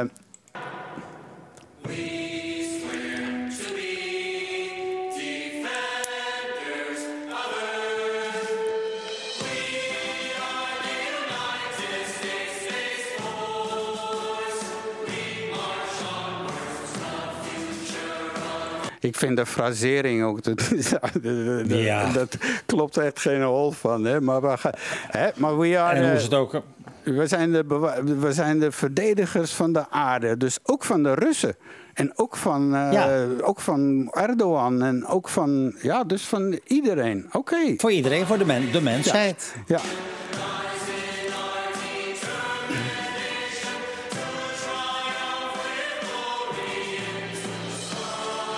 we gaan eh, glorieus triomferen. Nou, dus ik zie ze toch met die vlaggen heen en weer lopen, zoals een Noord-Koreaans eh, toneeltheater. Hoe heb ik dat nou alleen? En, en, en ook hoe ze het hebben opgenomen, alsof ze allemaal in een bad, badkamer aan het zingen zijn. Eh, Ja, die galmplugin van raar 35 geproduceerd, euro. Vreselijk. Er is zo'n Ja, galmplugin van 35 euro. Die, eh, maar we zijn er bijna, we zijn er bijna. Nog even.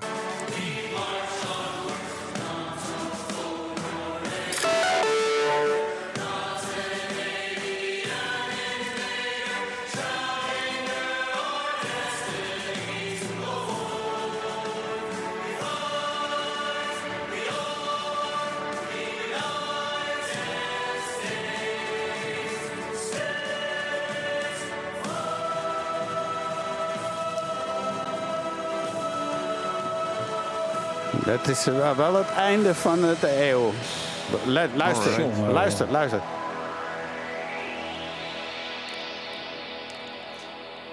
Ja, nog, nog.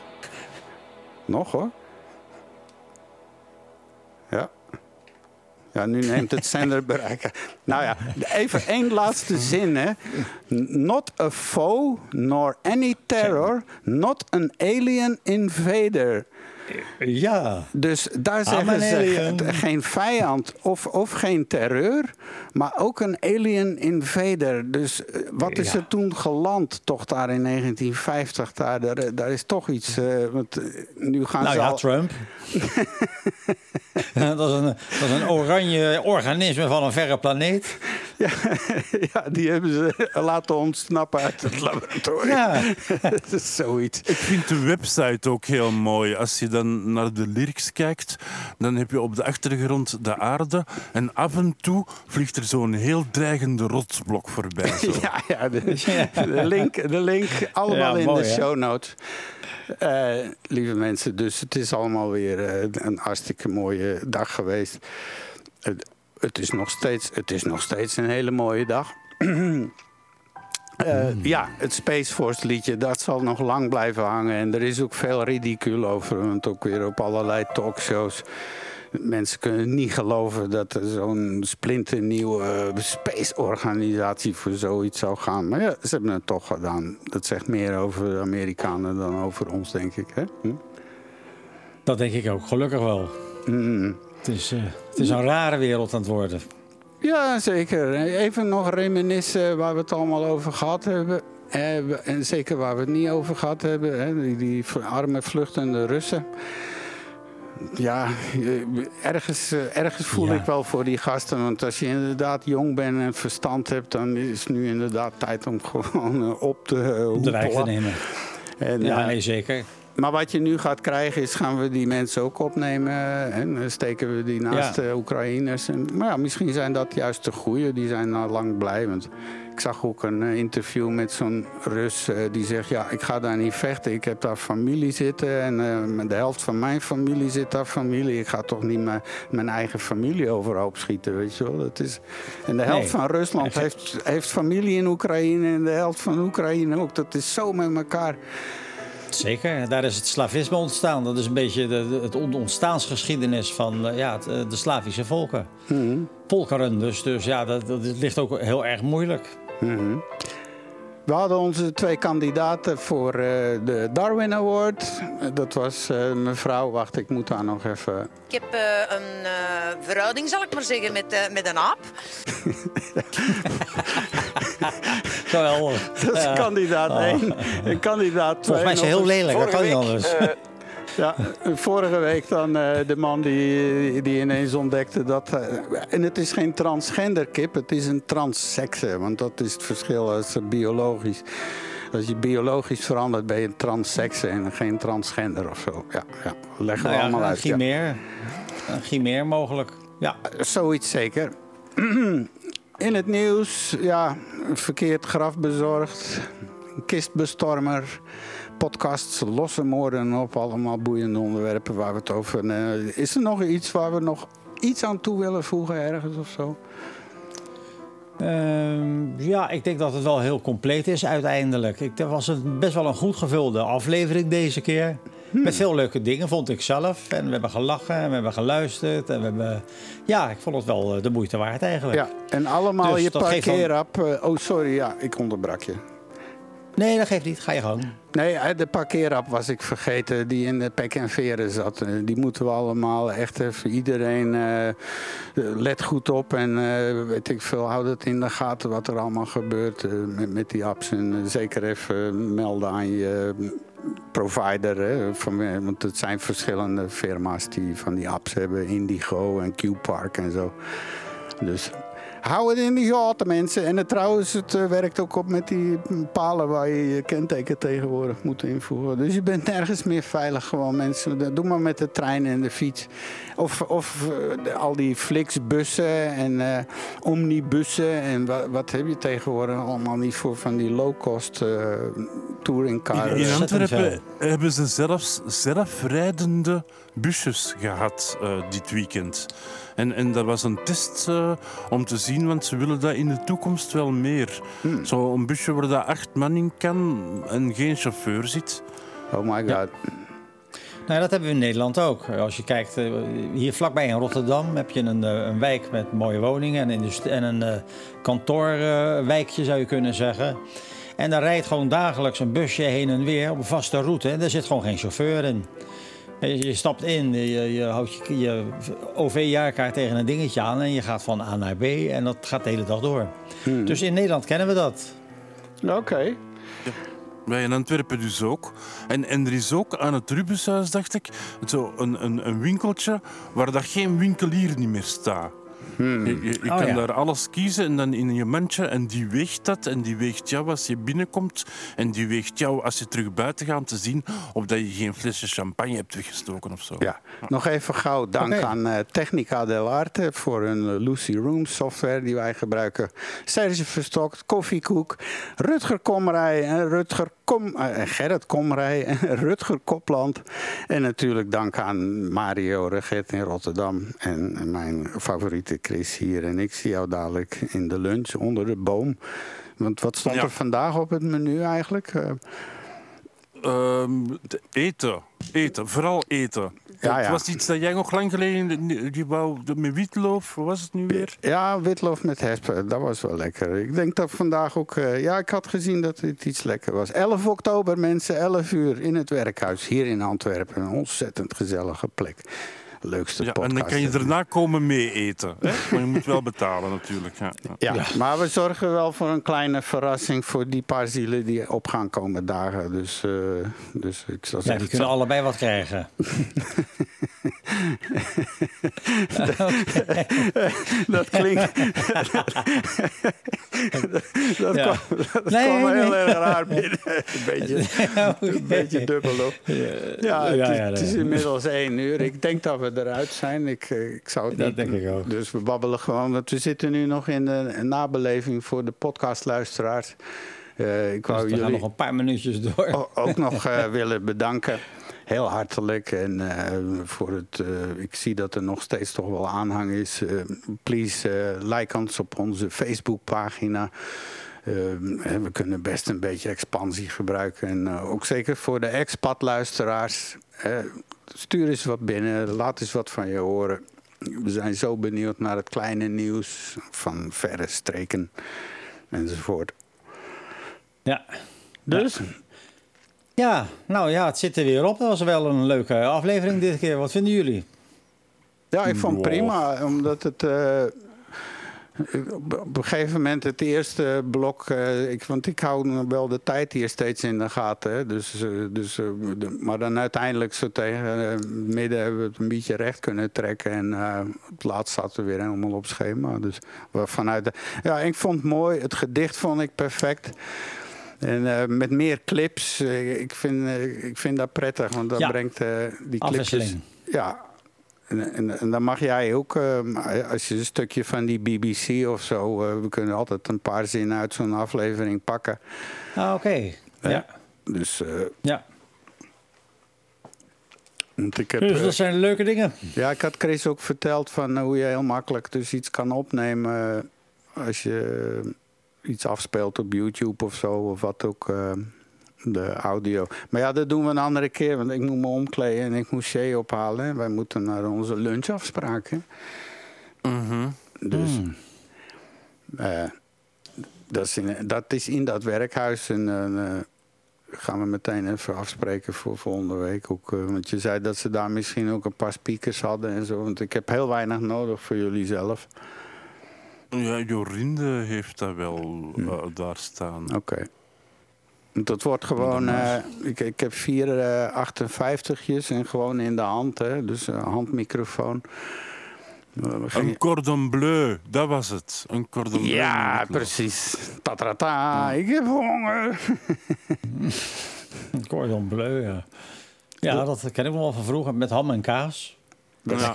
Ik heb ooit zo een vriendin gehad en die vroeg dan aan mij van, ah, wat heb je gegeten? Ik zeg, ja, een cordon bleu. En die zei, oh, wat is dat dan? Oh, dat is eigenlijk, eh, de- in wezen zijn dat varkenslapjes met, met ham en kaas in en dat is dan gepaneerd en gebakken. En, en zij was, buiten dat ze vegetarisch was, was ze ook nogal erg met haar gezondheid. En dan wier die kwaad. En die zei, je moet eens kijken op mijn poster. En dat is dan zo'n klavertje vier zo, met melk en, en vlees niet. Dus jij neemt varkensvlees met ham en nog eens kaas. En dat wordt dan nog eens in brood geduwd en in eieren. En dat wordt dan nog eens gebakken. En dat eet jij dan op. Ja, Ja, dat is een Ja. proteïnefest gewoon. Hè. Dus- eh, ja. een, eh, een bom onder je gezondheid. ja, nou ja. Nou ja, je, je ziet wel een soort van bewustwording. Dat is wel zo. Het gaat steeds meer spelen. Dat zal in België niet anders zijn. Eh, dus ja, hier, eh, het groeit enorm. Maar dat is vooral ook bij de millennials en de, de jongere spul. Want eh, als je nu in Albert Heijn, eh, vroeger was de, de, de Vega, dat was zeg maar een kolom van een meter breed. Nu is het gewoon de helft van het hele vleesvat. Het is zes meter Vega gewoon. ja, nee, zeker. maar ja, in het werkhuis hebben ze ook eh, eh, vegetarische menus. Hè? En, en Ja. halal. Nou, ik heb een paar keer betrapt dat ik zo spaghetti, waarom niet eens een keer met vegetarisch gehakt. En dan merk je het eigenlijk niet zo. eh, dan, dat- Nee. Dat gaat eigenlijk heel goed. En er zijn best wel. Het is alleen, eh, ja, ik, ik, als ik zelf kook, kook ik eigenlijk altijd vegetarisch. Maar je bent wel lang bezig met uitzoeken wat lekker is. Want heel veel is gewoon nog niet lekker. Maar er zijn dingen, eh, die bijvoorbeeld het kipfiletje van eh eh, Valles is dat geloof ik. Of eh, gemarineerde filet heet dat. Nou, weet ik, dat, eh, ik vind dat lekkerder dan, dan het origineel kip. Dat is gewoon zo. En zoiets als een, een champignonburger met honing en tijm. Nou, daar, daar, daar hoef ik geen stukje vlees voor te hebben. Dat is heerlijk. Dus Ik het wordt er geen- beter. Ik zou er geen neus voor afbuiten, maar het klinkt inderdaad niet slecht. Nee, zeker. Dus er zijn echt wel... Het wordt beter en beter. Dat is ook Dat wel is zo. Ik, we hebben laatst zelfs eh, een paar burgers. Ik had van die Beyond en dat, dat was helemaal niet verkeerd. Dat was best oké. Ja, zeker. En inderdaad, als je kijkt naar eh, doodsoorzaak nummer twee in Nederland althans, is, eh, is darmkanker aan het worden. Want dat is, en dat is, het is een, rechte relatie met vleesconsumptie. Eh, ik heb het al eens eerder gezegd, eh, je kan naar je spijsverteringskanaal kijken hoe, hoeveel je wordt geacht te eten van eh, plantaardige en dierlijke producten. Een, leeuw heeft, een, heeft, een, een leeuw heeft een, een darm van een meter en een schaap heeft 40 meter darm. Dat is wel een aardige aanwijzing. Eh, een paar jaar geleden hadden ze bij Carrefour meelwormpjes en krekels geprobeerd. Dat heeft Ja. niet lang Oh ja. geduurd. Dat heeft Ja. niet lang geduurd, maar ze hebben het wel geprobeerd. Dat, dat is toch al iets. Nou, die heb ik ook gegeten. Die, en dat is zeker niet verkeerd. Dat is, het is best wel smakelijk eigenlijk. Ja, ik zit daar niet zo mee. Uh, maar inderdaad, voor een hoop, mensen, een hoop mensen moeten daar echt iets voor uh, over, over, een uh, grens heen stappen. Maar ja, we eten eigenlijk al onbewust veel insecten, al weten we het niet. Het zit in allerlei mm. voedingssupplementen en zo. Mm. En het is natuurlijk een rijke bron van, je kan het heel voordelig, kan je gewoon dierlijke proteïne produceren als je insecten zou gaan eten. Ja, je zou ook dagelijks drie insecten opeten zonder dat je het weet. Dus als je slaapt en er vliegt iets in je mond of er kruipt iets Oh, in je mond. En Zo drie per dag naar het schijnt. Maar in meel, dan- in meel broodmeel, daar zit ook... Ik wou eh, het net zeggen, ja. Dat, dat, dat is ook wettelijk. Mogen er in, in, in 100 gram meel 2,5 insect zitten of zoiets. Ja. Nou ja, en, en de, de roze kleur van de roze koeken en allerlei snoep en gebak, dat is, zijn natuurlijk ook met bladluizen. E120 is dat volgens mij. Dat is de rode bloedluis. Dat is een, die wordt gebruikt als kleurstof. Die groeien zo in, op de Canarische eilanden, worden die op cactussen gekweekt. Die worden gewonnen en gekookt. En dat geeft die prachtige roze kleur in bij ons gebak, zal ik maar zeggen. Dan zit je eigenlijk gewoon insecten eten. Ja. Ja. Nou ja, oké. En ik Ja. moet zeggen, eh, in, in Azië heb je de Lanna-keuken. Zeker in, in, in Noord-Vietnam en Noord-Thailand. En als je tussen die bergvolkeren daar zit, is het eigenlijk, eh, er zit er altijd wel iets met insecten op het menu. En daar zit niemand mee. Oké. Ja, nu eerlijk gezegd eet ik liever wel een, een rode bladluis dan, dan een chemisch rood iets. Als ik dan toch mag kiezen, dan geef me dan Ja. de bladluis. Ja, die Nou, is ook al bewezen dat, die, dat je daar geen roze kinderen van krijgt en zo. Hè? Dus. Nee. Alright. Mensen, ook voor de podcast hartstikke bedankt voor het luisteren. En eh, we zien elkaar volgende week weer dezelfde tijd. En eh, bedankt voor alles. En een fijne toekomst en gezond blijven. Ja? Ja, ja, ja. Yes, ja, dat was die weer. gezond blijven. Dit is de praattafel. Podcast.